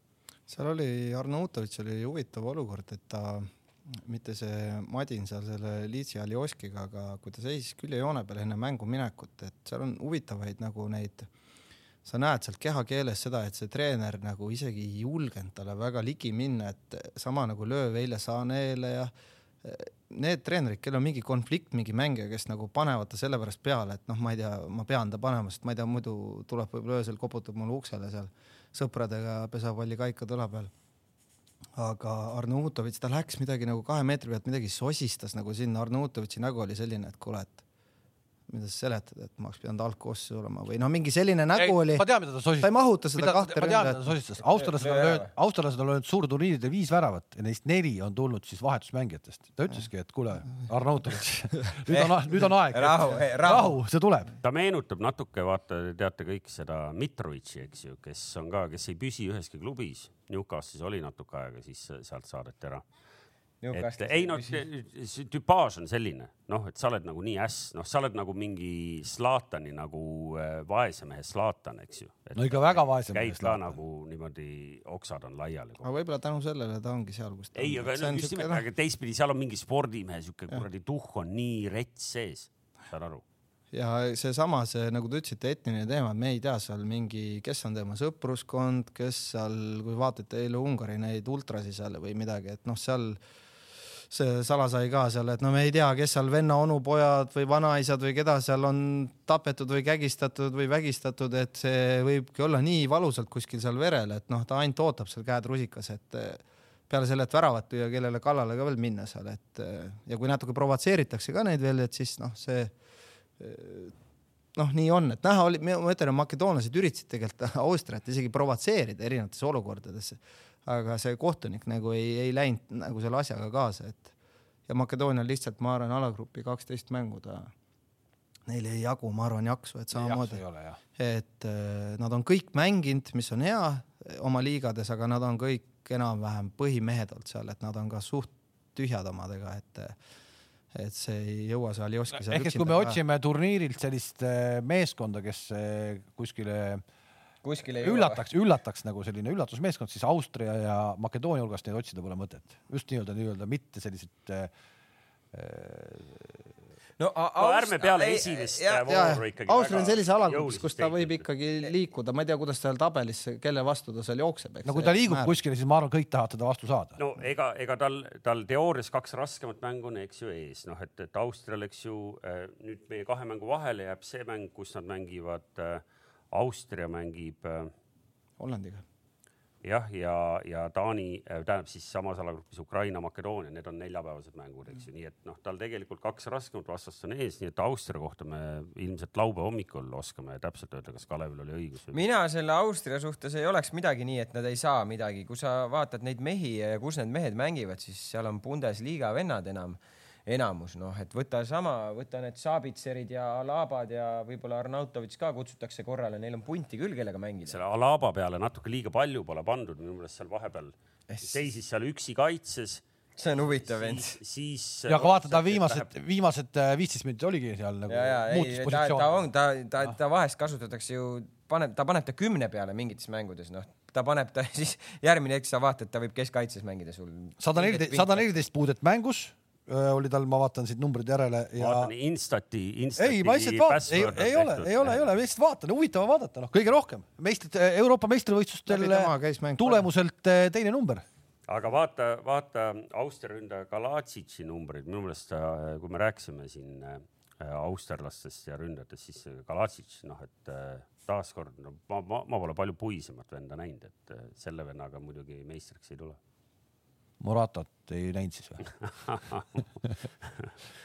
No Austria on huvitava valiku ees, et kui nad Hollandiga mängivad, et nad on, surutakse oma poolele, et kuidas siis selle pika, pika, pika, ega Arnautovitš siis ka väga ei saa seal sügavalt alt üleminekutega mängida edukalt, ütleme jah, pidama ja ääred võib-olla, aga et, et kuidas nad just taktikaliselt nagu, mis valikud nad teevad, et Ukrainaga, ma arvan, tuleb pigem sihuke lahtine mäng, aga Hollandiga seal, ma arvan, on. no ma ütlen siia, ma, ma, ma, mina siiamaani ütlen, ma, ma selles Hollandi suhtes, mul ei ole tänasel hetkel mingit kindlust nagu et see Holland võib sellest Austria, Austria seal võib selle Hollandi magama ka panna no.. seni on siis turniir tegelikult olnud selline, kus äh, ei ole liiga palju selliseid äh, lahtiseid äh, laamendamisi aga Holland-Ukraina. no algus oli siuke. vist oli selline. jah, algu-, algus oli. esimese aga... kümne minutiga seitse pealelööki Hollandil, äh, no tuli peale, tuli peale, noh. No klassikaliselt tegelikult, ega nad Amsterdam Arenal panevadki nii, et ega sa seal võid oma taktika seal valmis panna, et lähme nii ja lähme naa, et nad tulevad, võtavad su nagu haardesse ja seal väga palju oli ju mängu alguses küsimus, et kui hästi Vinaldum või keegi seal täpselt jala vahele paneb või, või, või realiseerib, et momente loodi järjest kohe, et ja aga ikkagi väga palju ruumi jäeti Ukrainale keskel ja väga tihti jõudsid ukrainlased mängu algusest peale, jõudsid Hollandi kasti. kas Ukrainale jäeti väga palju ruumi või Ukraina väga hästi ka leidis need kohad, kus nagu Hollandit rünnata. minu arust, minu arust nagu väga hästi nad tulid nagu vahest, vahepeal nagu survelt välja, lõigati liinid läbi, kohe läks pall kiiresti teise äärde ja juba tuldi nagu Just. nagu kiiresti nagu. press üleval äh, või, või siis rünnakusituatsioonis hollandlasi viis-kuus tükki tõmmanud, noh kasti välja juba aga kaitsjad olid äh, keskjoone peal. kaitse oli Ukraina liiga kaitseliiga, on, liin ongi. ei, ma mõtlen Holland ah, ja sinna vahele hirmus palju tühja ruumi, nii et kui üks osav mees äh, selle liini läbi lõikas, oli seal nagu viiskümmend meetrit tühja maad jah, ja, ja, ja eks noh, ma ütlen seal Ukrainale saab ilmselt nagu saatuslikuks, nagu, nagu Karel just siin ütles, mulle tundub, et täna see kaitseliin lihtsalt nad, neil on selline struggle seal natuke, et, Karel... et aga, aga, aga mäng, mäng mängult, see läheb, see läheb ilmselt nagu paremaks. aga ma ütlen, see Ukraina selline palliga mängu pool nagu noh, nagu me just nagu kirjeldasime siin, et kiiresti surve alt välja leiavad need kohad, joostakse, see on, see on huvitav nagu vaatad seda Sinchenko't seal kuue peal dikteerib seal ei, no, seda mängu nagu. tehniliselt osavad. kõik äge, aga kas ma lihtsalt, lihtsalt küsin korra sina kui nagu peatreener ja treener, et eh, kuidas pärast mängu riietusruumis Marlosega Ševtšenko, kas ta üldse räägib midagi või Marlos pakkus asjad kokku, just ma olen ära? jälle sama asi, ta, ta läks, kes ei näinud siis, et ta vahetati sisse ja, ja vahetati välja ta, ta läks, ta läks juba sisse niimoodi, et nagu venes ütled davai, pidi Grai või kuidagi nagu see oli siuke, ma nagu ei tahtnud väga eetris seda öelda, aga et ega ta väga nagu hea meelega teda sinna väljakule ei lükanud, jälle mõtled, et kurat, miks ta siis satsis on. miks ta satsis üldse on siis? Sul on neid noori poolikuid Ukraina täis, aga no ju siis jälle mingi kogemus kuskil torkab ära, pluss Makedoonia, Austria. tal on alagrupis sellised vastased, kelle vastu ta need kaks mängu, ma arvan, Ukraina eeldab, et nad domineerivad. ja, aga selle pealt sa ei saa ju enam Marlost praegu nagu väljakul panna või saad? ja jälle me ei tea, et kes seal nigiseb, nagiseb seal, Jarmolenko äkki hakkab seal midagi tõmbama, siis on see jaotus jättis Konopljanka minu meelest välja isegi, et ja siis see ju. Veerens, Veerensvarosi tüüp tõmbas kohe jala, jala ära omal, et me ei saanudki nagu näha tema seda õiget kiirust ega tal seal, nagu ma ütlen, et ukrainlasi, ukrainlasi ka väga maailmas tippliigades ei mängi, et nad on seal Küprostel ja Kasahstanis igal pool, aga neid Ševtšenko ei vali ja ta võtab nagu tippvenna, kes on siin Champions League'i mänginud ja mõtleb, et noh, okei okay,, äkki läheb hea tujuga peale, aga noh, see tuju ei olnud väga hea. Mi, mi, mina arvan, et seal oli puhtalt sellepärast ta tegi selle vahetuse, sest noh ütleme, ma olen vaadanud. palli hoida või midagi, eh, survelt välja tulla. jah, jah, aga, aga ja, ja, ja Holland vaata nagu surus ja surus ja, ja noh, ega see Marlos ütleme kaitsetöösse väga ei panusta, vaata, ta on, ta on siuke vend, et palli kaotus, siis on palli kaotus, siis ma vaatan niisama, aga Ukrainal seda luksust ei ole nagu, et me saaksime seal kuidagi noh, et, et üks vend ei tee või. ukrainlased mingi moment sõimasid üksteist mängus, nad hakkasid omavahel täiesti teine pool läks sõimama äh, võib-olla kui oleks vaadanud Vene mingi ülekande pealt, oleks paremini aru saanud seal, aga nad hakkasid nagu täiesti nagu kätega vehkima, Zintšenko seal lüiendas kellegi kallale, nad läksid ikka päris nagu närvi üksteise aga näe, oli kasu. sest neil oli seal mingi teema, et nad noh, nad on nii kogenud mängijad, eriti Zintšenko, et ta tõenäoliselt see Guardiola paneb täpselt kõik paika, sina seisad siin, sina lähed sinna, seal on ruum, et nad ei saanud nagu kuidagi neid Hollandi nagu sööte nagu mitte pressingut ei saanud tehtud, asjad nagu kaetud või midagi, mingi asi ei toimi neil seal ja siis ma vaatasin ka, et Marlos lendas seal kohe väljaku pealt, et seal läks see info ka kuidagi võib-olla, et see vend nagu noh, ma ei tea, ma räägin. Zintšenko on ka maailma kõige lühema süütenööriga jalgpallur noh. et ma räägin temaga, aga see vend nagu ei liiguta, ei reageeri, me ei saa niimoodi Hollandit pidama, et seal mingi häda oli seal küll, et see ei olnud ainult Ševtšenko, et sealt läks mängijatelt. mängijatelt läks ikka jah et, korist-, koristage see ära. Hollandi vastu peab kaitses sul keemia ikka super olema, et seal, aga veel kord see kaitseliin Äh, nad saavad väga häid mänge Ukraina kõrgliigas, nad on kogenud ja nii edasi ja nii edasi, aga kui sa võtad nende Champions League'i kogemuse hästi pikas ajas, siis tegelikult äh, koos väravaiga see kaitseliin ongi Hollandi vastu või võtame Prantsusmaa, Saksa vastu, see on nagu liiga suur amps praegu Ukrainale, aga Austria ja Makedoonia hoopis teine lugu. seda turniiri iseloomustab, äh, ma ei tea, kas eelmiseid turniire ka on nii selgelt iseloomustanud see, kui palju lüüakse väravaid teisel poolajal ja noh, me nägime seda juba eile jälle, kui Portugal pani Ungarile kolm, eks, ja seal löödi siis viis ja vist ei ole varem löödud teisel poolel viite väravat. aga see on nagu huvitav, et, et sa, sa ütlesid, et kaitses hoitakse nagu esimesel pool kuidagi asjad korras, aga see löökide arv ei ole väga erinev, aga lihtsalt see, kuidas ära realiseeritakse ehk kakskümmend protsenti löökidest esimesel poolajal nii-öelda on, on värava toonud, teisel poolajal on see number mingisugune.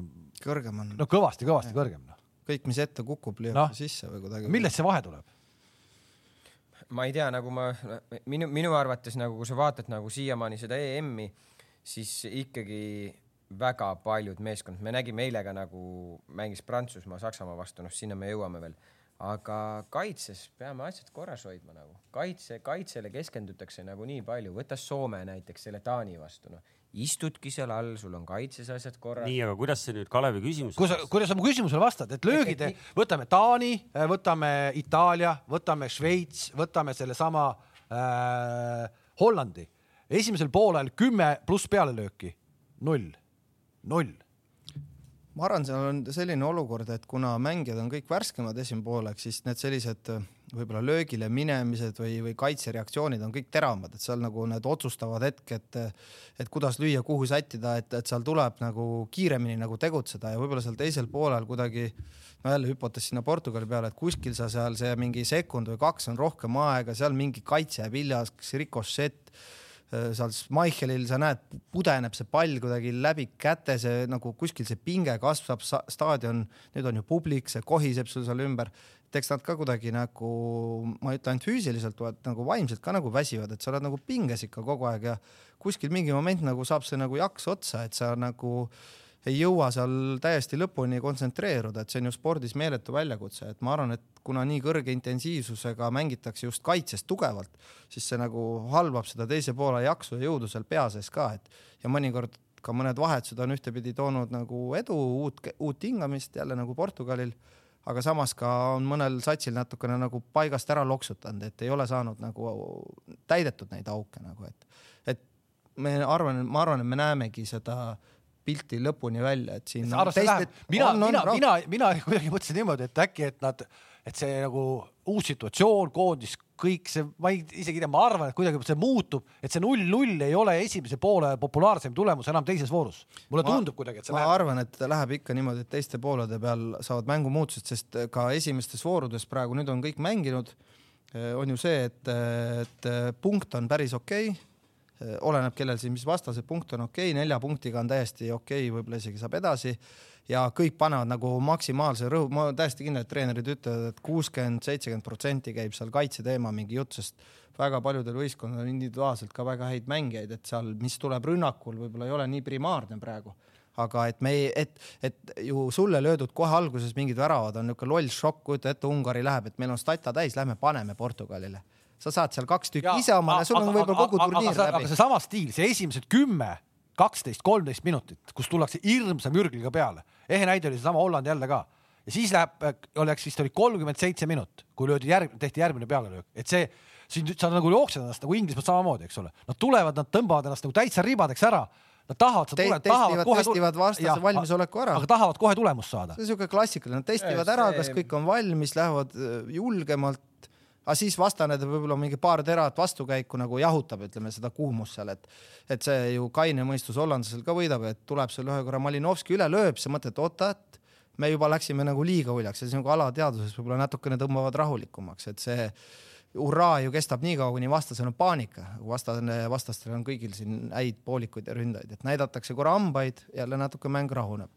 et see. ja no seal, seal Ukraina mängus ka, et ja, et sa surud, sa surud, sa surud, sa mingi hetk nagu saad kätte, sa kaitsed kogu aeg nagu rünnaku suunas, aga üks hetk teeb Ukraina tšikk-tšikk-tšikk, tuleb sul surve alt välja, juba Jarmolenko jookseb su värava suunas või, või nagu Karel ütles, Malinovski läheb seal kuueteist kasti tagant löögile onju, siis sa enam nii julgelt ei astu igale poole välja, siis sa hakkad juba kalkuleerima neid riske nagu. Ukraina oli suurturniiridel teinud siis äh, ka jälle lihtsalt number seitsekümmend kaks lööki, mis ei olnud sihile jõudnud, kuni siis põhimõtteliselt kaks tükki järjest jõudsid huvitav, väga huvitavad numbrid. ei, tegelikult ajuvaba noh. ta on, ta on täiesti maha maganud selle, et Pandevist rääkides sa ei maininud ära, et Pandev on Põhja-Makedoonia kõige noorem väravlööja EM-idel. no ta on ainukene.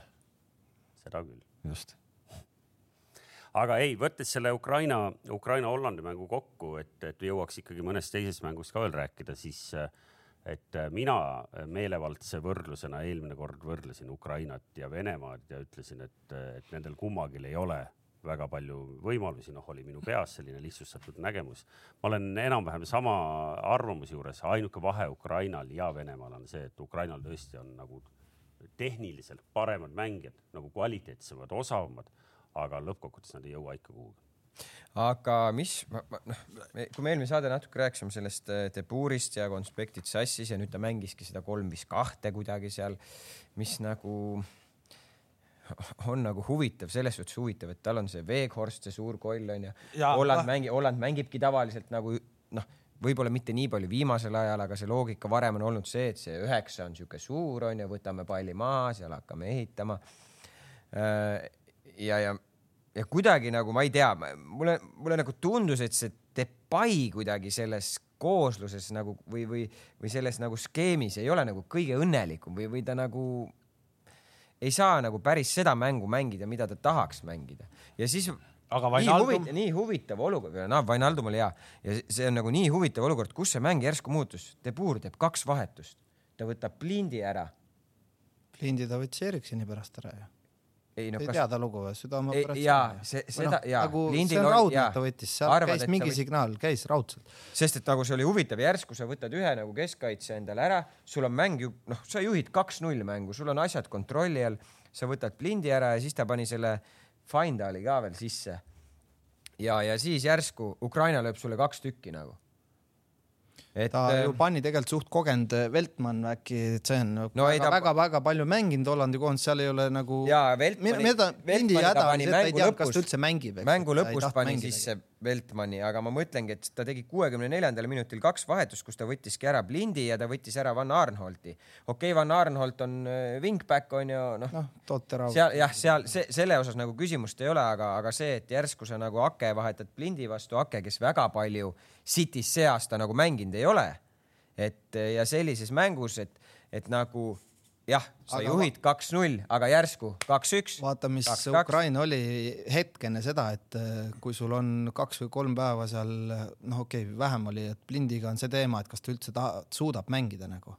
ja ta ütleb enne mängu võib-olla treener, et hea küll, ma lähen, aga no nagu, et seal, seal on nii palju lugusid selles. seda vahetust ikkagi ise sel hetkel ka No. seal oli ju, sellest on palju kirjutatud, Lind konkreetselt ütles, et no Eriksoniga koos mängisid ajaksis ja et seal oli väga psühholoogiliselt. ja, aga, ja ma, ma, ma saan ka aru, et see, see oli, aga kas see tähendab seda, et noh, et kas ta saab üldse enam kasutada teda? ei no ma mõtlen saab ka, ikka, saab ikka, ma arvan, et ta et, lihtsalt võttis ta kaks-null, ma arvan, et ma arvan, et ta arvas, et on tehtud mäng. ja ma just mõtlengi seda, et ta et arvas, et Ukraina korraks tehtud. nagu ma vaatasin ka, et nagu kurat, kas nad jaksavad, et see Jarmo Lenko jooksis seal kuuskümmend minutit juba niimoodi ju esimene poolega juba jooksis, nii et kurat, kas ta nagu jaksab ja noh, nagu see klassikaline tipptase, et siis sa järsku jaksad, sest vastane korraks võttis nagu rahulikult, me ei tea, kõrvalt öeldakse võib-olla mängige, hoidke ja siis nii palju Ukrainal oligi vaja, et see mäng natuke nagu rahuneks.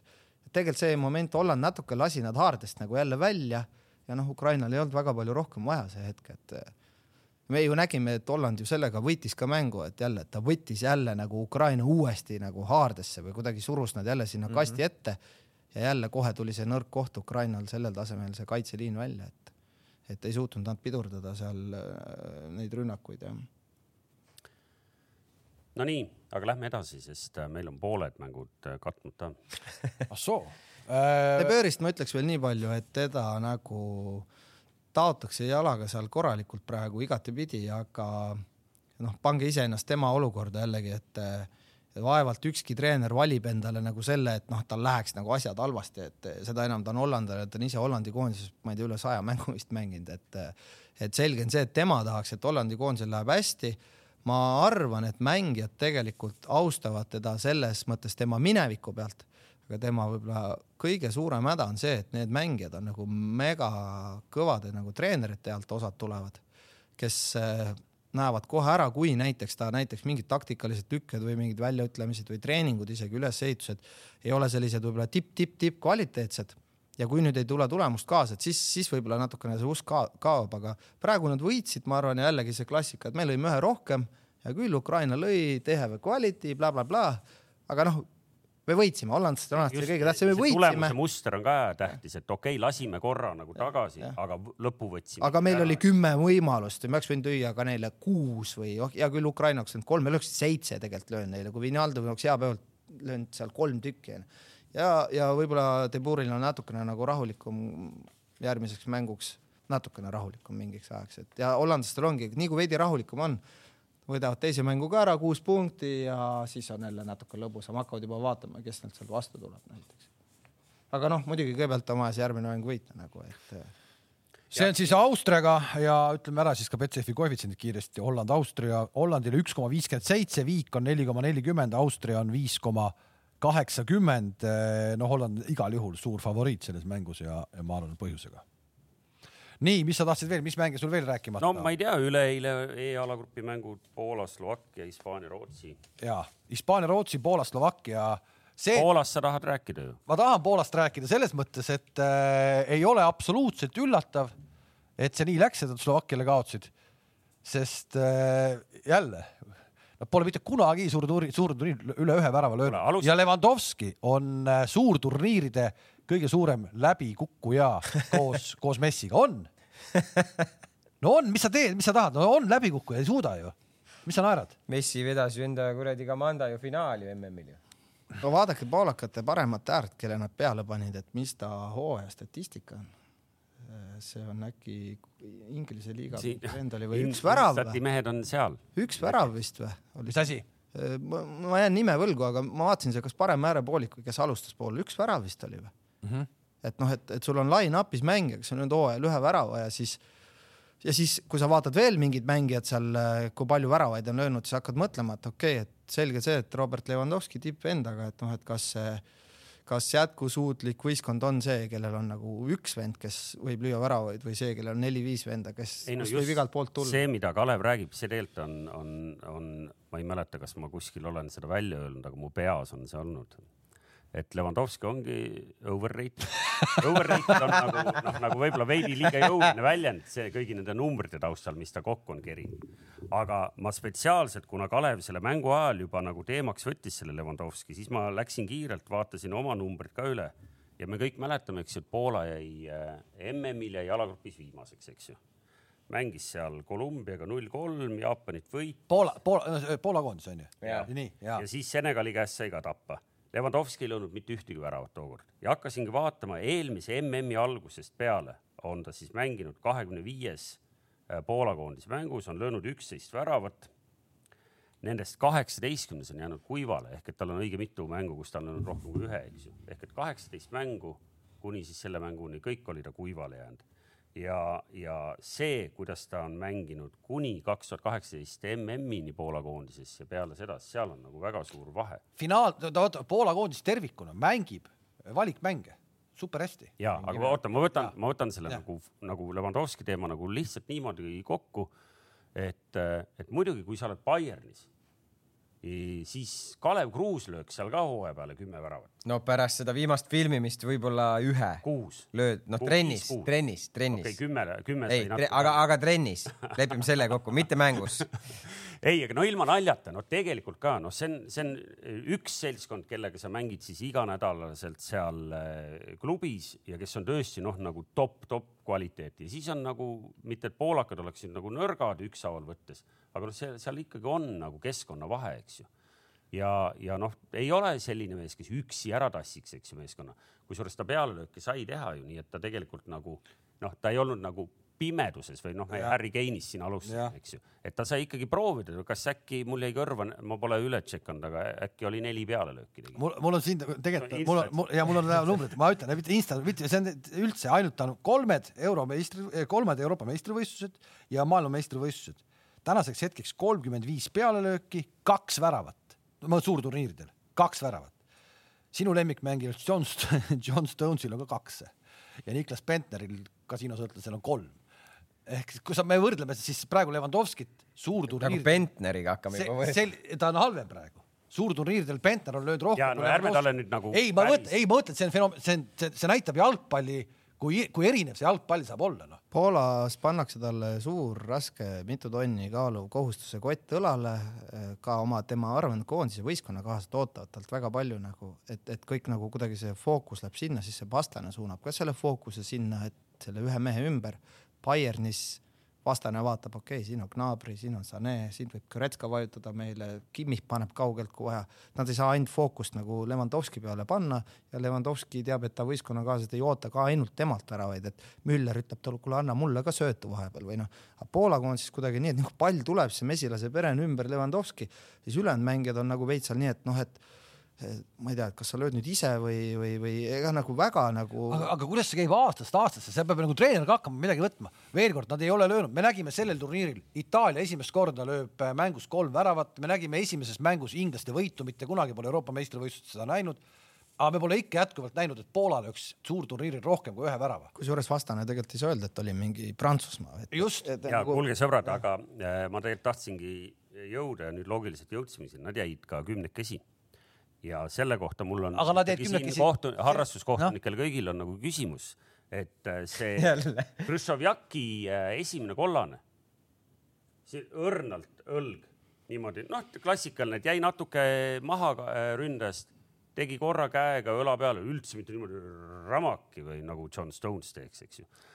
ja, ja kollane kaart ja pärast sai teise otsa ja eile vaatan, eile vaatan Sekir Ungari-Portugali mängus, noh, palju jõhkram, ei olnud isegi vilet samas olukorras. noh, see, et sa ei saa eeldada, et, et ründaja nii kui tunneb, et käsi pandi õla peale, ma kukun kohe maha raisk. et mul nagu, nagu jalad läksid kohe nii raskeks, laks no,. ja, ja tegelikult tehti sel hetkel, ma pole üldse mingi Poola koondise fänn, aga Grishov-Jakil tehti seal liiga finaal. oleks olnud teine kollane kaart, sealt oleks tulnud hirmus vaidlus ja sõnelus ja, ja me loeks seda täna lehtedest, aga see oli esimene ja see läks läbi, teise sai asja eest. finaalturniiridel ei ole kohtunikud suutnud kunagi hoida ühist joont, see on noh, nagu me ootame, et nad hoiavad, keegi ütleb jube jõuliselt, see EM lastakse, üldistad nagu kokku, tegelikult kui sa vaatad, kohtunikud vilistavad ikkagi erinevalt, et keegi laseb rohkem madistada, keegi vähem ja selle Krõsuväkiga olukord oli jube huvitav, ta on ju tegelikult kapten ja ülikogenud mängija kui ta läks sinna teine pool, läks sinna mängijale ligi sisse, siis ta tegi ühe lolli vea, mida madalamates liigades ka mõnikord mängijad teevad, kui nad ei saa pidama. aga ta läks selle põlvenukiga sinna nagu reielihasesse mängijale ja tegelikult tegi selle viimased kakskümmend minti sellise nõksu, kus sa võid panna selle konkreetse puuka vastasele, et ta läks, tegelikult pani selle lisapaugu veel sinna väikese ja nii kui see reaktsioon tuli, ta nagu korraks laiutas käsi, tema vaidles kõige vähem vaidlesid ta võistkonnakaaslased, aga tegelikult ta sai aru, et ta ei tegi aru, nagu sellises vanuses siukse lolluse, et ei tohi teha, et mine ligi, lükka seal käega natukene, aga ta läks, pani selle põlvega naksu veel sinna järgi ja ongi loll olukord, et, et kui sul kaarti all ei ole, hea küll, onju, aga selles vanuses no ei saa olla, et sul on nagu pea sassis või nii kuum seal või midagi, tegelikult Poola ju tegi parema teise poole selle hetkeni või noh, nad olid mängus täitsa sees siis. ei, ei seal oli täitsa mängis kaardi mängu lõpus ikkagi Newcastli väravvaht äh, Dubravka tassis seda satsi. ei, ei tee nalja praegu. ei, ma nägin, ma nägin, ma lihtsalt, mul on nagu see, et see Newcastli väravvaht Dubravka nagu tassis, see oli see oluline kõigil. Poola oli, Poola oli okei okay, teine poolega, ega seal nagu ka isegi kümnekesi seal oli veel variant, lihtsalt ongi, et me arvame, et Levanovskiga peaks nad panema sinna Ukra- või vabandust, Hollandi kõrvale, aga ma arvan, et nad on praegu Ukraina, Austria, kes meil seal veel on vahepealsed, okei okay,, Taanit ma nüüd ei tea, aga Rootsi mingi, nad on nagu tegelikult sellisel levelil praegu, nad ei ole Prantsusmaa, Levanovski üksinda ei vea nii kõrgele seda asja kõike. et nad on jälle sama nagu see Tšehhi, no jube suured on kõik ikka nagu. ei no füüsiliselt hästi tugev võistkond, nagu, füüsiliselt tugev võistkond sihuke et neil võib-olla ka midagi oleks vaja selle ääre peal, kedagi, kes oleks sihuke üks-üks ülihea või, või midagi veel sinna Levandovski kõrvale, mingit väga head siukest kiiret kümmet, kes seal liinide vahele läheb. jah, tal oli see Južvijak ja, ja, ja Zelinski olid tal äkki ääred ja, ja, ja, ja. klubid on head, nimed on head, aga kuidagi ja valikturniiridel on see ka, et miks Poola, ma arvan, nii hästi läbi läheb, on see, et nad on kodus alati ülitugevad ja nad kuidagi, nendel on see üks suur siht, lähme finaalturniirile. Ja nad eh, ongi nagu selline võib-olla nagu valikturniiridele kvalifitseeruva võistkonna nagu stiilis võistkond. Ja no, finaalturniiril tekib mingi see kompleks. me ei loe Poola ajakirjandust, me ei loe lehti, nad on ka päris kriitilised tegelikult need fännid ja ootavad palju, et ega seal ka pannakse neile jälle õlgade peale mingid, et nüüd, et noh, ma ei tea, nüüd onju, sa vaatad neid nimesi, aga kas on nagu absoluutne maailma eliit, tegelikult väga ei ole, väga headest tippliigadest. aga ta on täpselt selline sats, kes võiks olla mingil turniiril see sats, kes purjetab must, kaugele. must lammas onju läheb. just, sealt võiks oodata seda, ma ei oota seda Makedoonialt, mina ei oota seda Austrialt, ma ootaks seda justkui nagu Poolalt, aga nad ei saa Nad ei saa, mitte ühelgi turniiril nad ei saa. no rahu, rahu, et ähm, järgmine kord saame kokku laupäeva hommikul ja, ja. enam mängida jah, ikka minna veel. samal päeval äh, kohe sinna õhtusse tuleb Hispaania-Poola. Nad mängivad Hispaaniaga, mängivad laupäeval, aga ütleme ära, et Slovakkia mängib siis Rootsiga reedel, ma ütleme siia koefitsiendid ka ära, Rootsi vaatamata sellele, et oli siis viisteist protsenti palli valdamist Hispaania vastu, on siis Slovakkia vastu suur favoriit, üks koma kaheksakümmend kolm viik kolm koma kolmkümmend viis, Slovakkia võit viis koma üks. no selle pealt, et nad tegelikult Poola kotti panid, siis noh, ma arvan, et Slovakid on põhimõtteliselt täitsa pingevabalt lähme ja paugutame noh. jah, ehk et äh, kui enne siin Kareli jutus oli, et, et äh, kolm või et nelja punktiga võiks juba jõuda, nelja punktiga päris kindlasti on paremate kolmandate hulgas, äh, kui, kui alagrupi lõpetad neljaga, nii et selles mõttes Slovakkidel kolm käes ma arvan, et neid. see tuleb väga-vägev mäng. see tuleb hästi vägev mäng. mis äh, strateegia või taktikaga peale minnakse, et Rootsi ka nagu ei saa nüüd nagu ainult, et jääme passima, et võib-olla Slovakkia tahab ise seal passida, siis võib minna selliseks, esimene poolaeg võib minna selliseks jube äh, nagu sättimiseks, et, et ei pruugi väga. aga, aga, aga üks värav, üks värav lööb selle. tuleb samamoodi keegi siukse mürgliga peale viis minutit niimoodi, et äh, lihtsalt panevad ribadeks ja löövad värava ära ja. mina, mina ei usu seda, ma arvan, et seal, seal tuleb väga Slovakkia selline. nägi selle Rootsi selle rünnaku sellist nagu ohtu ka veidi seal, et, et äh, ja nad teavad, et nad on Hispaania vastu olid võib-olla alalhoidlikud, aga et slovakid ei lähe nagu, neil on kolm punkti all, nad ei, nad ei hakka tormama, seal on Hamsik ja. Tuuda ja, ja seal on. nagu rahustatakse maha natukene need võib-olla nooremad kutid, et no ikka jube niimoodi rinnad olid kummis, läksid äh, Poola vastu, aga ma arvan, et kolm punkti on nii kõva valuuta, et seal hoitakse vaikselt niimoodi, jälle seesama esimene poolek kaitses korras, äkki keegi suuskab ees ära, saame mingi trahvi ikka, võib-olla karistuslöögist seal, me oleme kornerites head onju. Rootsi seal ka ju näitas standardites või, või krosside kaitsmisel, et neil oli mingeid probleeme seal. et, et ma, nad tahavad taga hoida asjad Slovakkia korras, kuskile seal tormama ei tohi hakata no aga rääkige meile siis Hispaania ka lahti juba. see oli müstika, see on müstika, see on ikka pull mäng noh. Kaheksakümmend viis, viisteist noh, see oli terve mäng või? ei olnud? oli terve mäng ah..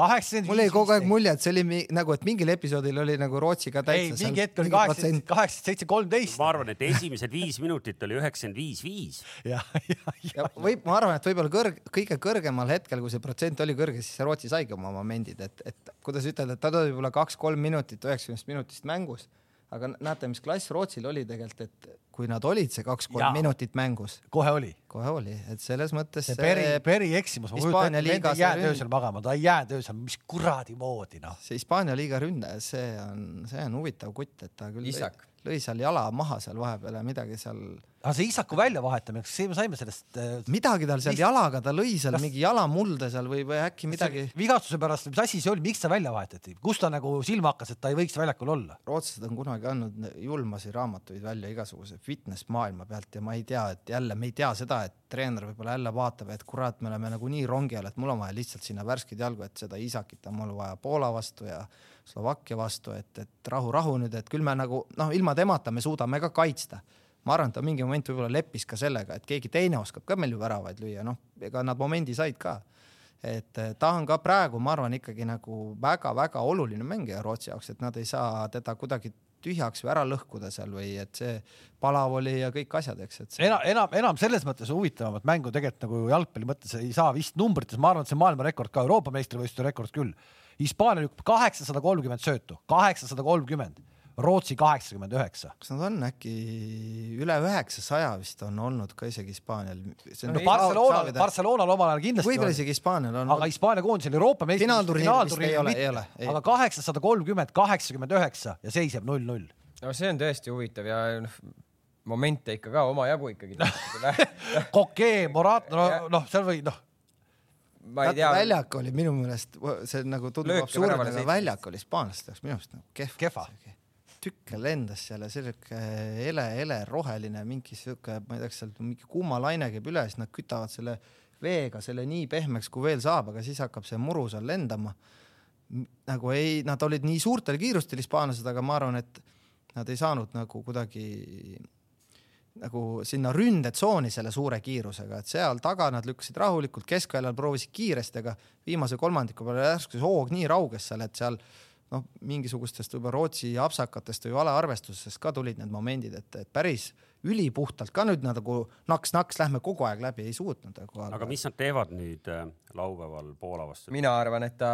sama ikka. Eh, eh, noh, ei mängustiil ja mänguplaan, ma arvan, on sama, aga ma arvan, et ta vahetab välja mõned äh, mõned persoonid lihtsalt, ma arvan, et ta paneb selle Traore alustama. Torres nagu on, ei õnnestunud. Torres ei õnnestunud, ma olen ka pigem nõus, ta paneb selle Traore alustama, kes on sirgjooneline selline noh, mitte hispaanlaslik. no midagi vaja, midagi on vaja teha, et nagu pall. Poola hakkab ja. natuke rohkem võib-olla tulema ka, et nad nagu tahavad kindlasti mängida kahekümne viie protsendiga, et mitte viieteist protsendiga, et nad ei jaksa oma jämedate jalgadega seal palli äärel joosta, et ma arvan, et Rootsi on kaitses nagu lippab lõbusamalt ja tugevam kui Poola, et Poola näeb oma tugevusi natuke rünnakul ka, sundseis ka veel, et nad võivad seal mõelda, et hispaanlastel on selg vastu seina, aga ma, hispaanlastel on iga turniir selg vastu seina, et seal Poolal ei ole trumpe selles mängus nagu psühholoogiliselt, et tegelikult nad on lollis seisus selle oma null punktiga.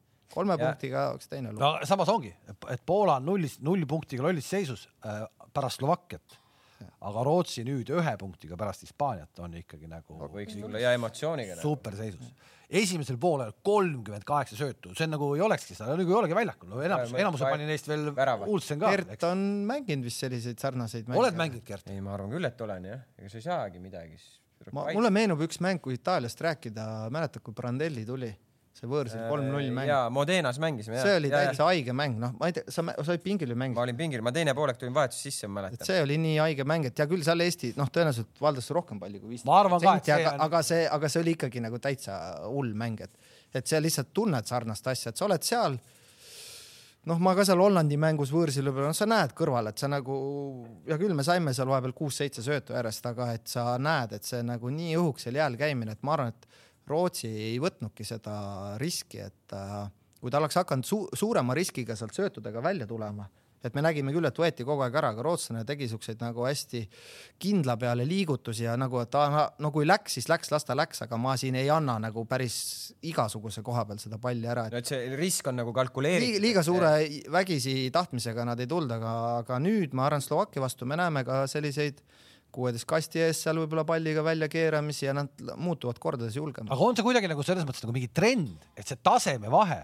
nii-öelda tippriikide ja väiksemate riikide vahel, ka klubide mõttes, tegelikult see tasemevahe on kuidagi läheb nii eest ära, et ei olegi võimalik enam mingeid üllatusi pakkuda. Rootsi ei ole ju kehv vutimaa.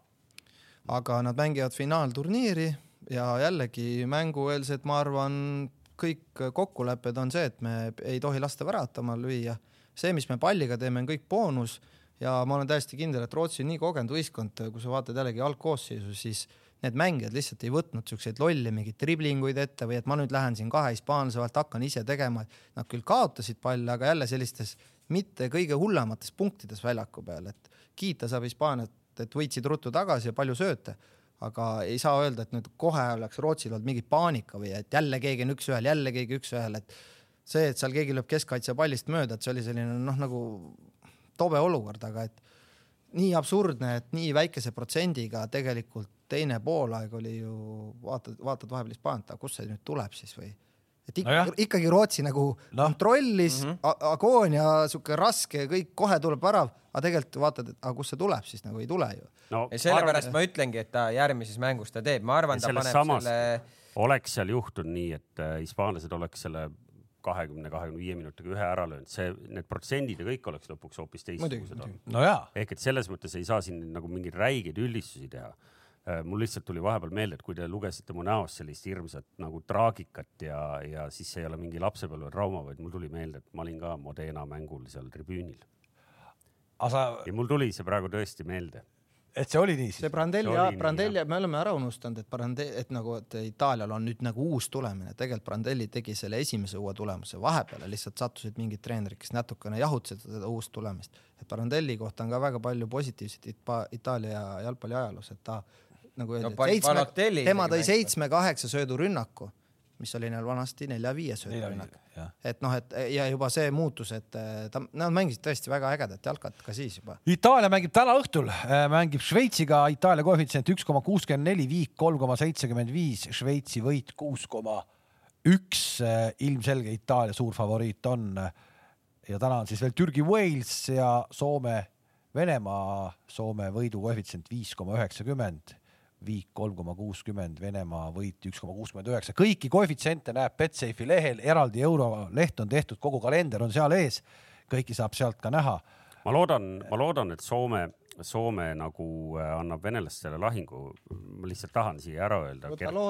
sealt. Gert teab, mida ma rääkima hakkan. annavad, et et, äh, et soomlased on laagris, on Venemaal, aga vanal Soome alal, mis uh. -huh. kuulus enne talvesõda ikkagi soomlastele ja ma loodan, et seal ikkagi mängijatel on seal ikkagi ajalootunnid äh, ära tehtud ja, ja see meelde tuletatud, et nüüd, kui ikkagi rüssade vastu minnakse, et siis. arvad, et täna on oda, odad ja kilbid? väga huvitav äh, seik, ma jälgisin soomlaste, olen vaadanud nende pressikaid ja nad teevad oma neid vaheklippe selliseid, et huhkajate klipid seal mingid. ja Kokaga üks päev, peakokaga oli lugu. kus sa vaatad seda? huhkajat kuskilt tuleb, ma olen, ma olen Youtube'is. keeras ju üle näitamise ära. üle, üle uudislugusid ja klippe saad üle. kuule, Vara, kui sina Kuno Tehva neid selfisi näed, siis Nii. mina näen Youtube'ist Betsafe'i Betsafe tuleb, mulle ainult, ole valmis, homme, homme tuleb. mul on ainult, see on kruus, see on kruus ah,. mulle tuleb Betsafe'i teade, et ära maga maha, seal näod ilusti peal, seal tõks-tõks-tõks, panen mul ei tule midagi, mul on ainult Kuno olen... Tehva ja Tehva toidupilt rohkem midagi. ma olen selle Soome kuskil ära subscribe inud ja siis ta tuleb mul ja, ja seal kokk ütles, meie läheme Venemaale null riski, neil on isegi see kuradi Karjala, Karjala pirakas on isegi kaasas. Neil on see mis see nende soome keeles, soome keeles see kodujuust on? rahka. rahka on neil kaasas, ta luges pikalt ette kõik, kui palju nad toidu peale seal, mis summad neil seal on, ta ütles, et Venemaal me siin, me kokkasi no, ei usalda, me ei usalda siin.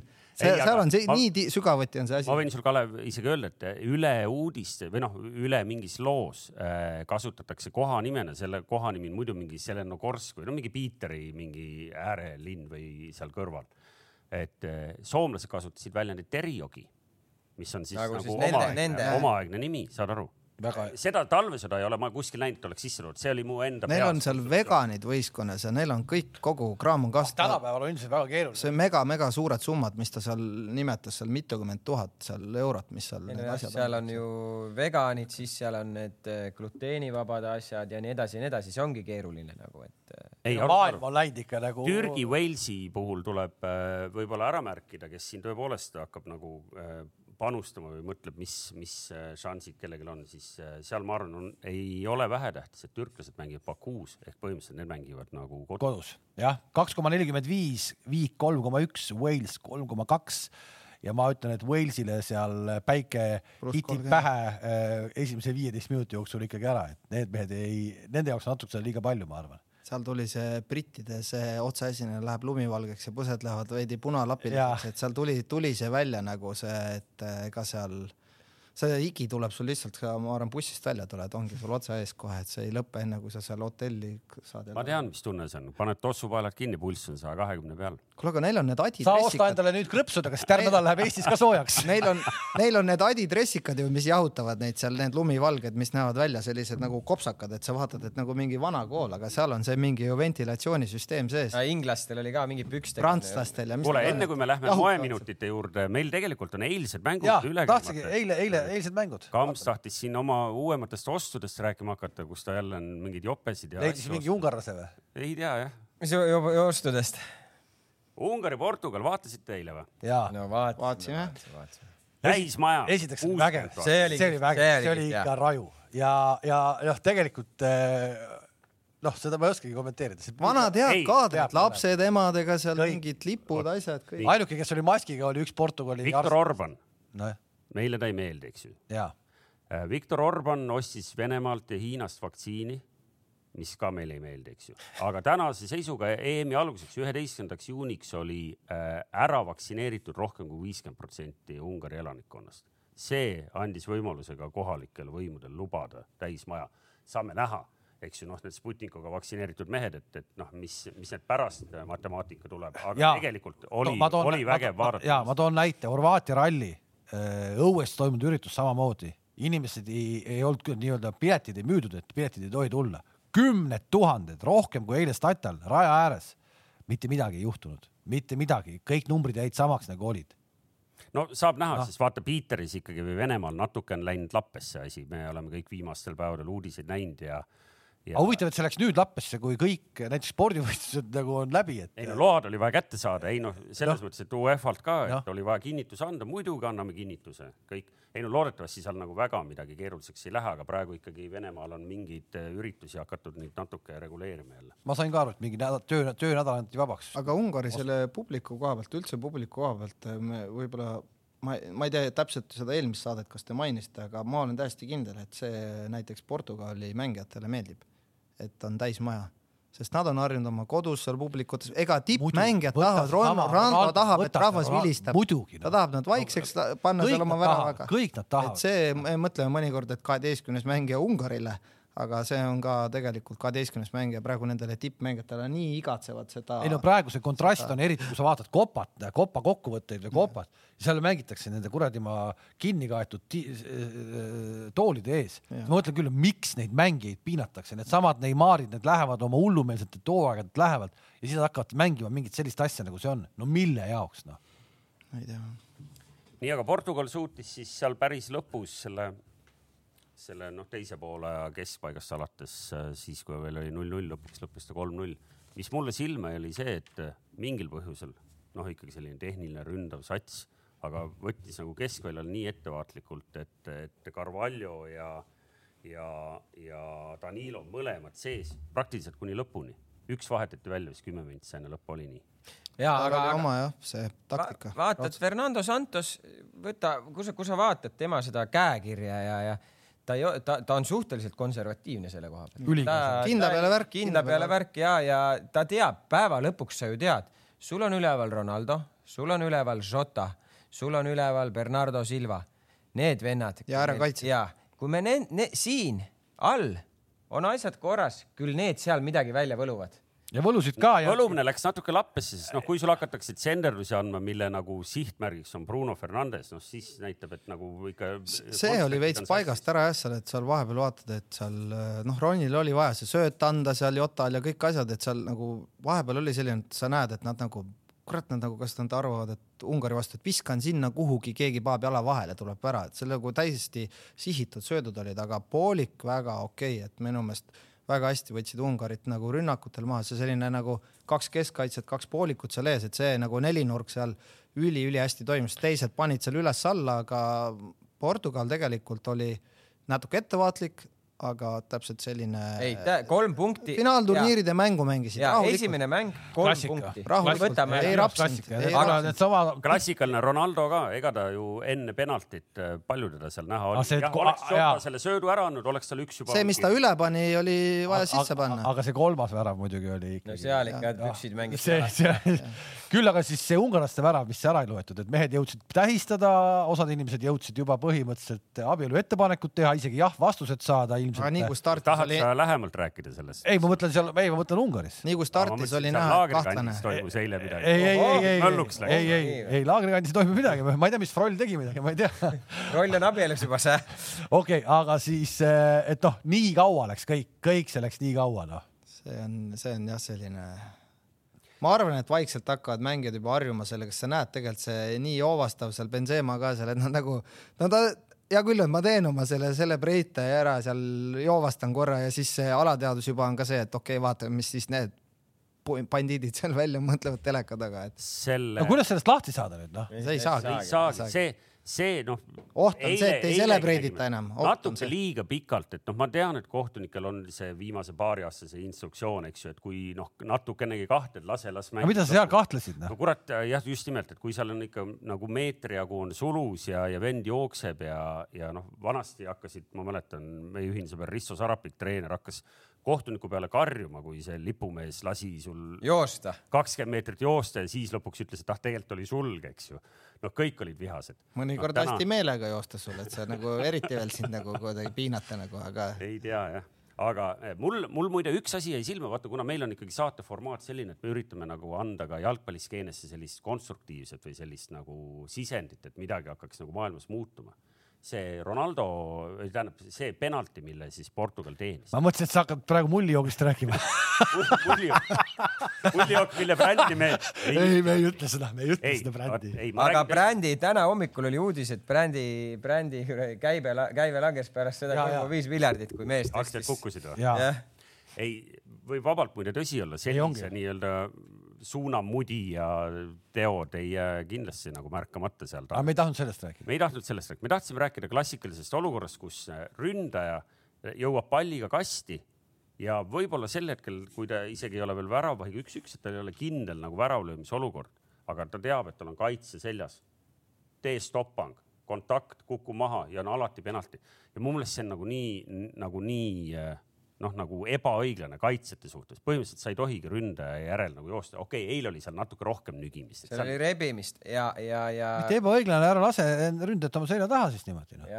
aga, aga UEFA ju strateegia on juba, see on siis, kui Messi täiesti tipus oli mis see on siis kümme aastat tagasi? oota, oota, oota, oota, oota, oota, kui vana see Kamsi kass on või? seal, seal tekkis üks moment see, et kui eh, Murillo seal Real, Real Madridi aeg neid lõuakoerasi seal kallale saatis nendele väikestele Inestadele ja käskis seal jalad pooleks lüüa neil kõigil, et siis UEFA üks moment võttis nagu, ma olin veel mingi konverentsil, ütlesid, et nüüd hakkab uus ajastu, et me peame päästma väikest kasvu noored jalgpallilapsed vaadates, mis praegu tänapäeval jalgpallimaailmas toimub, nad hakkasid nii kaugelt pihta sellega, et nad ütlesid, et ründav jalgpall tuleb päästa ja väikest kasvu lapsed tuleb päästa, sest kui me ei hakka nagu vilistama neid kõkse ja rebimisi ära, siis lõpuks selles mängus domineerivad ainult akselerandid, mingid suured, valik langeb ja see ju meeste jalgpall kandub ju järjest noortesse, et treenerid hakkavad rõhutama järjest jõulisemat mängu, kõike, mis nähakse tipptasemel, alla voolab välja sinna ja väikesed lapsed võivad olla nagu eemale tõrjutud ja nüüd siis me päästame nagu maailma jalgpalli sellega, et kastis, kasti lähedal kõik mingid naksud sisse, Ronni ja mingid mängijad andsid signaali, et mulle tullakse kogu aeg kork ees sisse, söödan ära ja ei. kõik hakati karistama kõik hakati karistama ja pendlaid antaksegi kergemalt. sa ju näed, ründaja jätab selle jala maha sinna väravahi käe taha, see väravaht tuleb, teeb oma klassikalise ilusa liigutuse, siis see varbaots jääb käe laba taha, varbaots ja vees variseb maha, nagu oleks vikatiga. aga eile siis äh, teooria Saksamaa-Prantsusmaa mängus ei päde, mina sain küll aru, et seal minu, minu arust oli see nagu penalti. Kohtunikud ei hoia ühte joont, mina ütlen, nad ei hoia, nad ja, ei suuda. ja, ja ma eile ka ju seal ju tekkis arutelu. siis..., mina ütlesin, et ei ole. Ungari pennu, Ungari pennu oli suht kerge, ütleme õlast kinni ah,. ja, ja selle Ungari pendla kohta Väga... on mul info, tegelikult punane kaart selge värava võimaluse äravõtmine. jah, kui, et kui seal juba lehvitama hakata. mitte ja. ta ju ei mänginud jalaga palli, vaid ta, ta äh, maha, no. miks Kamps seda nii nagu kulmud tõstis üles, nii emotsionaalselt räägib, on ju sama Jussufi see Pärnu olukord. nojah, seda ei täpselt näe. sama, ülevalt rebis kõik, terve pink röökis seal, et ei ole punane mm, -hmm. mille eest hüüti seal aga reeglite eest et Kams, vaata raamatusse reeglid segavad äh, Paidet, ma olen aru saanud. rahu. Paide tuleb välja, kõik on korras, ei ole midagi. ja, ühesõnaga, aga see penalti nüüd eile siis, see Saksamaa ja oli siis penalti või ei olnud? ei ikka, noh, tegelikult seal oleks, pigem vist ikkagi oli. ikka vist oli. ja, ja, ja, ja ega seal selles suhtes keegi poleks. no ei olnud, vaata, tuleb lähtuda sellest okay, tuleb lähtuda oh, sellest oh,, meie tiim.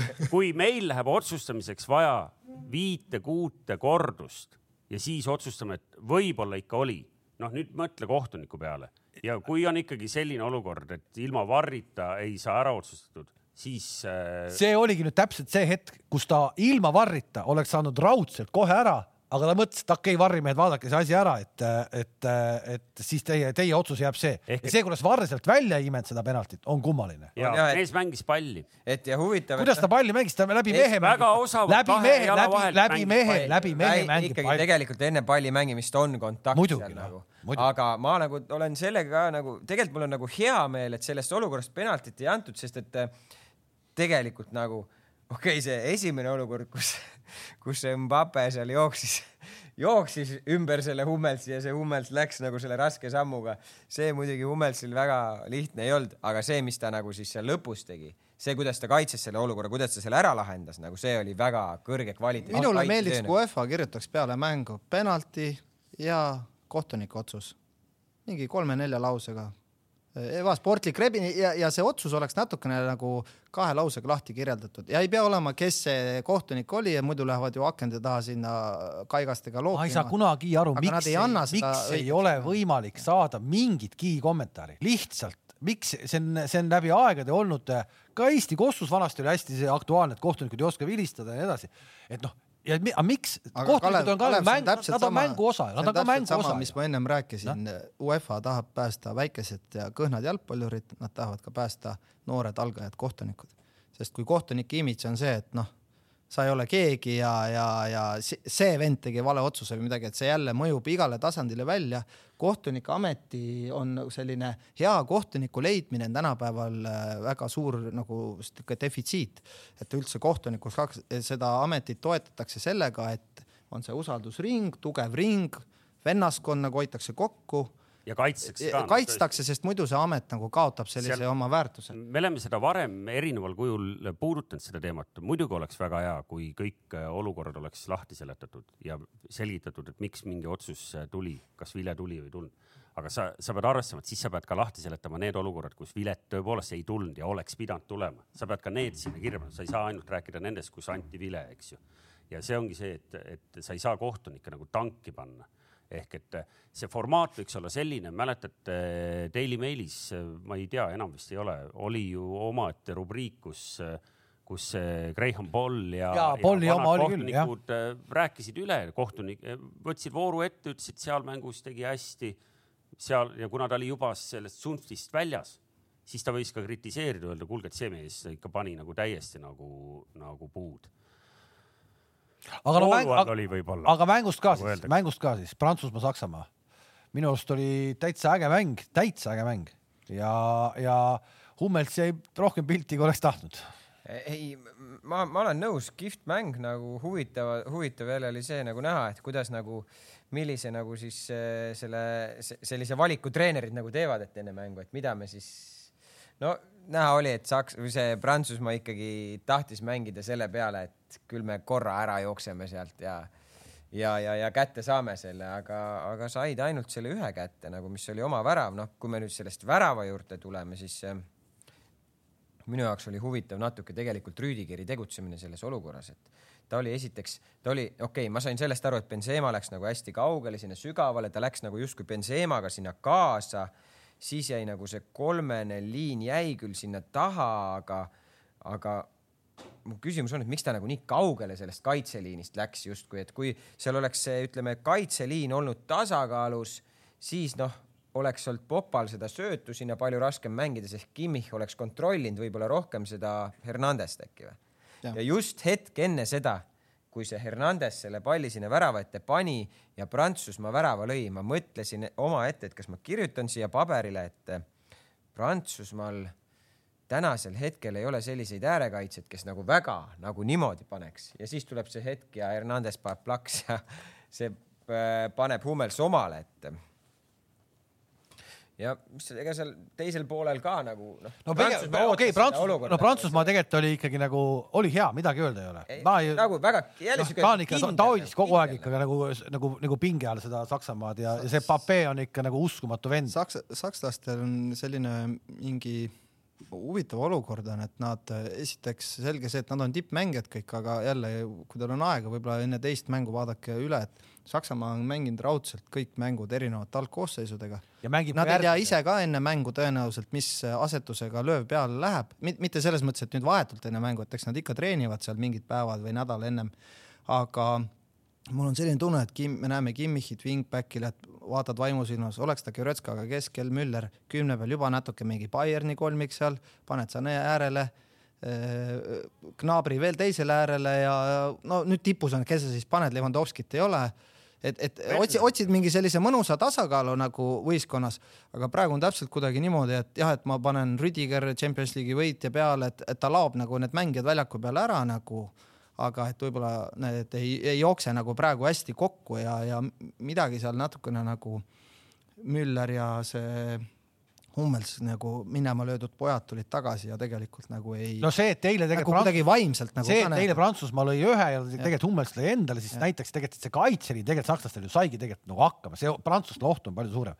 aga see, mis seal ees ise, neil endal toimus, seesama Müller, seesama noh, Timo Werner pärast tuli, tegelikult oleks keegi talle öelda, et kuule, Saksamaa koondise mäng on. siis tuli Sané sisse, sa näed jälle, ta seisab seal niimoodi no., seal nagu ta kõigutab seda no. oma pead, sa ei saa aru, kas ta tahab minna, siis see Monaco vend tuli vasakule, kurat, ta jooksis üle otsajoone seal. ma ei saanud sellest peaga põrkas üle otsajoone jälle, et sa näed, et ta taust on natuke teine, tegelikult see Atalanta vasakäär ei ole ka päris see Bayerni vendade no, pundis, nagu, ta jah. ei ole võitnud nendega Champions League'e, ta ei ole suurt mängu mänginud, ta on sinna Monacosse läbi väiksema, väiksema klubi läinud. see on näha ka, et ta nagu kuidagi vihane, kurja näoga seal selline, et ta ei ole nagu nagu ei olnud selles pundis sees. ei, see mulle tundus kohe, et see on veits võõrkeha. ma jälle näen, jään selle nime võlgu. Kevin Volland. jah, jah, et, et midagi seal kurat nagu jah, et, et.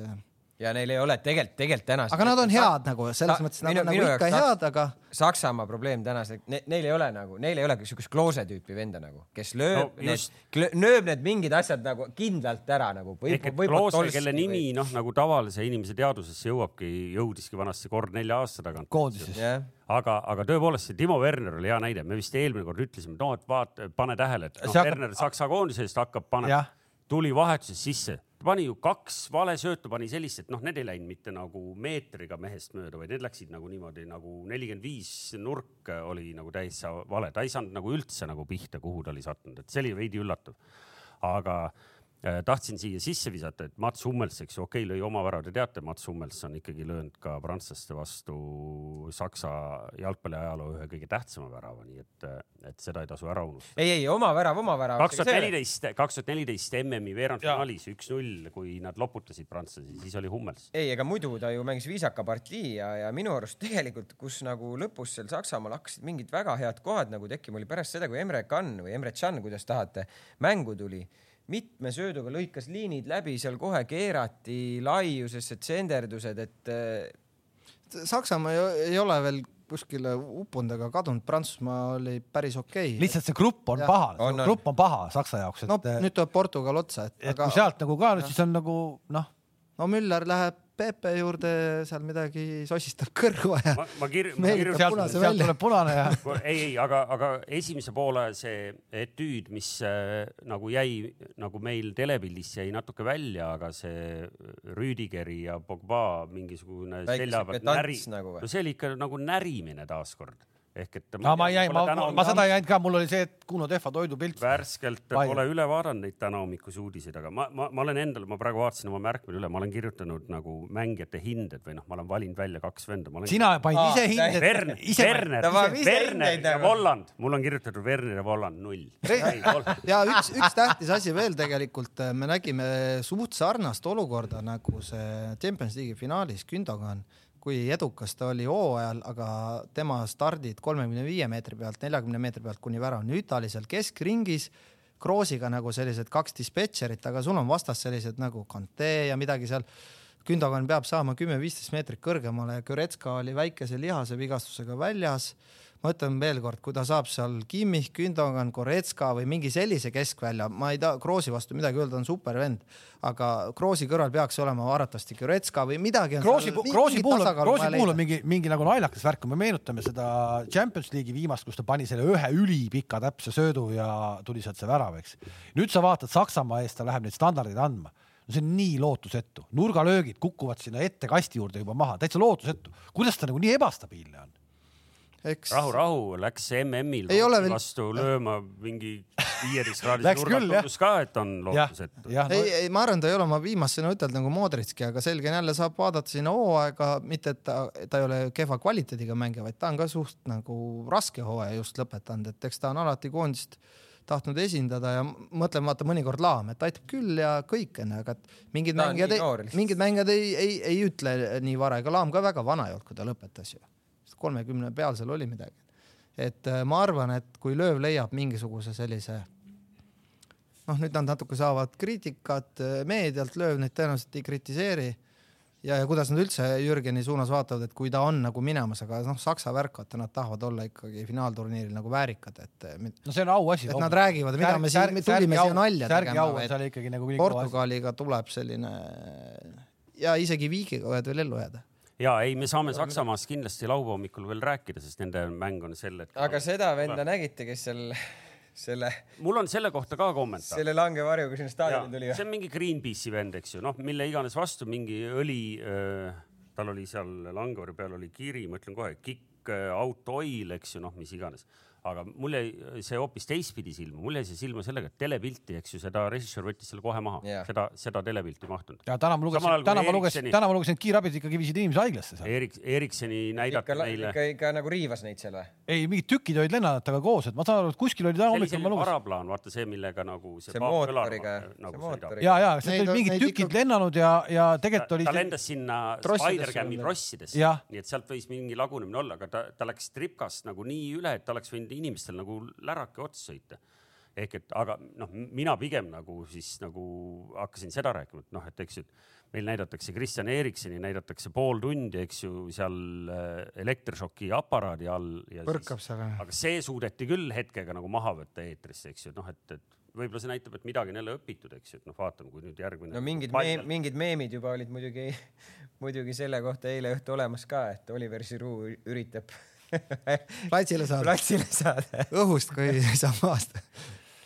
ja ma usun, et. ei, Prantsusmaal hea. ma usun, et Mbappé jooks ju Hummelsi vastu, nendest saab ka erinevaid. Prantsusmaal hea. ei no multikaid ja meeme sai juba ju kõvasti, noh, seesama teema, eks ju, et kas see Paul Pogba, kes Manus mängib, et kas see on sellesama Pogba sugulane või, või lihtsalt nimekaim, eks ju aga Prantsusmaa selles mõttes on, on väga tugev, et äh, ma arvan, et see Kante on valmis seal Lõuna-Aafrikani välja jooksma, et seal noh, on on, on Rabiot on seal piisavalt näljane ja et nad on nagu mingis mõttes päris heas tasakaalus, et mul on tunne, et see Benzema mitte ainult, et ta seal nagu talle kuidagi klapib selle Mpappega, ma arvan Kriismann tundub seal nagu, et ta ei pea ka nagu ise seal midagi vedama. Ja Benzema, mis puhul, mis temal on, on see, et ma arvan, kõikide satside keskkaitsjad nagu teavad, et see on kuradi keeruline vend on see, et see, ta on Champions League'is lihtsalt nii kõva CV-ga olnud ja nüüd ei ole kaua aastaid Prantsuse koondist mänginud, aga nii kui ta sinna tuleb nii ma, ma arvan, Pape hõõrub seal käsi, mõtleb, oh jess, et. nüüd läheb kõik see energia tema peale. teda ka ja Kriismann ka veel. ei, seal on meeletult, sellest ma ütlengi, Saksa sai tegelikult eile hästi hakkama, et ainult ja. üks löödi ja see oli oma värav. ja Pavard ja Fernandes sama Saksamaa vastu ise Bayerni vennad, näha oli kohe kuidagi, et neil seal seal räägivad paar juttu, et Müllerile ei meeldi see ja teine ja kolmas ja Müller ka vaatab, kurat, need kaks meie oma klubi hullu on siin ka veel peal ja kuidagi nagu nende vastu mängisid seal need juba nime, nimed, et, et see ei olnud saksa õhtu eile jah, et. Ja minu... kuigi oli midagi neil ka seal peaaegu lõhnas juba, et äkki tuleb, et üks-üks ka aga, aga, aga pigem kahe, kaks nulli moodi nägi rohkem välja kui üks no,. saab huvitav olema, et näiteks nüüd ka, et mida siis lööv nagu otsustab, et kas ta mängib selle ülemise kolmikuga edasi, kes, kellega ta alustas nagu, et natuke võib-olla ma oleks tahtnud näha seal äh, seda sama, sama nagu, mis ta siis lõpuks tegi, et ta panebki selle Sané sinna peale, onju. ja, ja nüüd noh, äkki on Goretska tagasi, et siukest nagu natuke nagu seda hoogu sinna ülesse veel nagu, et, et, et, et mis nad siis nagu on, et ja Prantsusmaal noh, ma ei tea, ma, ma oleks eile võib-olla tahtnud mingi hetk näha ka, et koristage see Kriismann sealt ära ja pange see Coman või keegi selline nagu kes nagu kuidagi nagu, ma ei ütle, et Kriismann ei taha, aga see mäng on sihuke nagu kulgemine, noh nagu Parssas mängis. nagu siuke kulgemine, noh. see ei ole no,. okei okay,, Prantsusmaal igal juhul on tohutut reservi. on, on, seal pink on ka väga hea, et seal on mängijaid on. hakkame vaikselt kokku ka tõmbama või?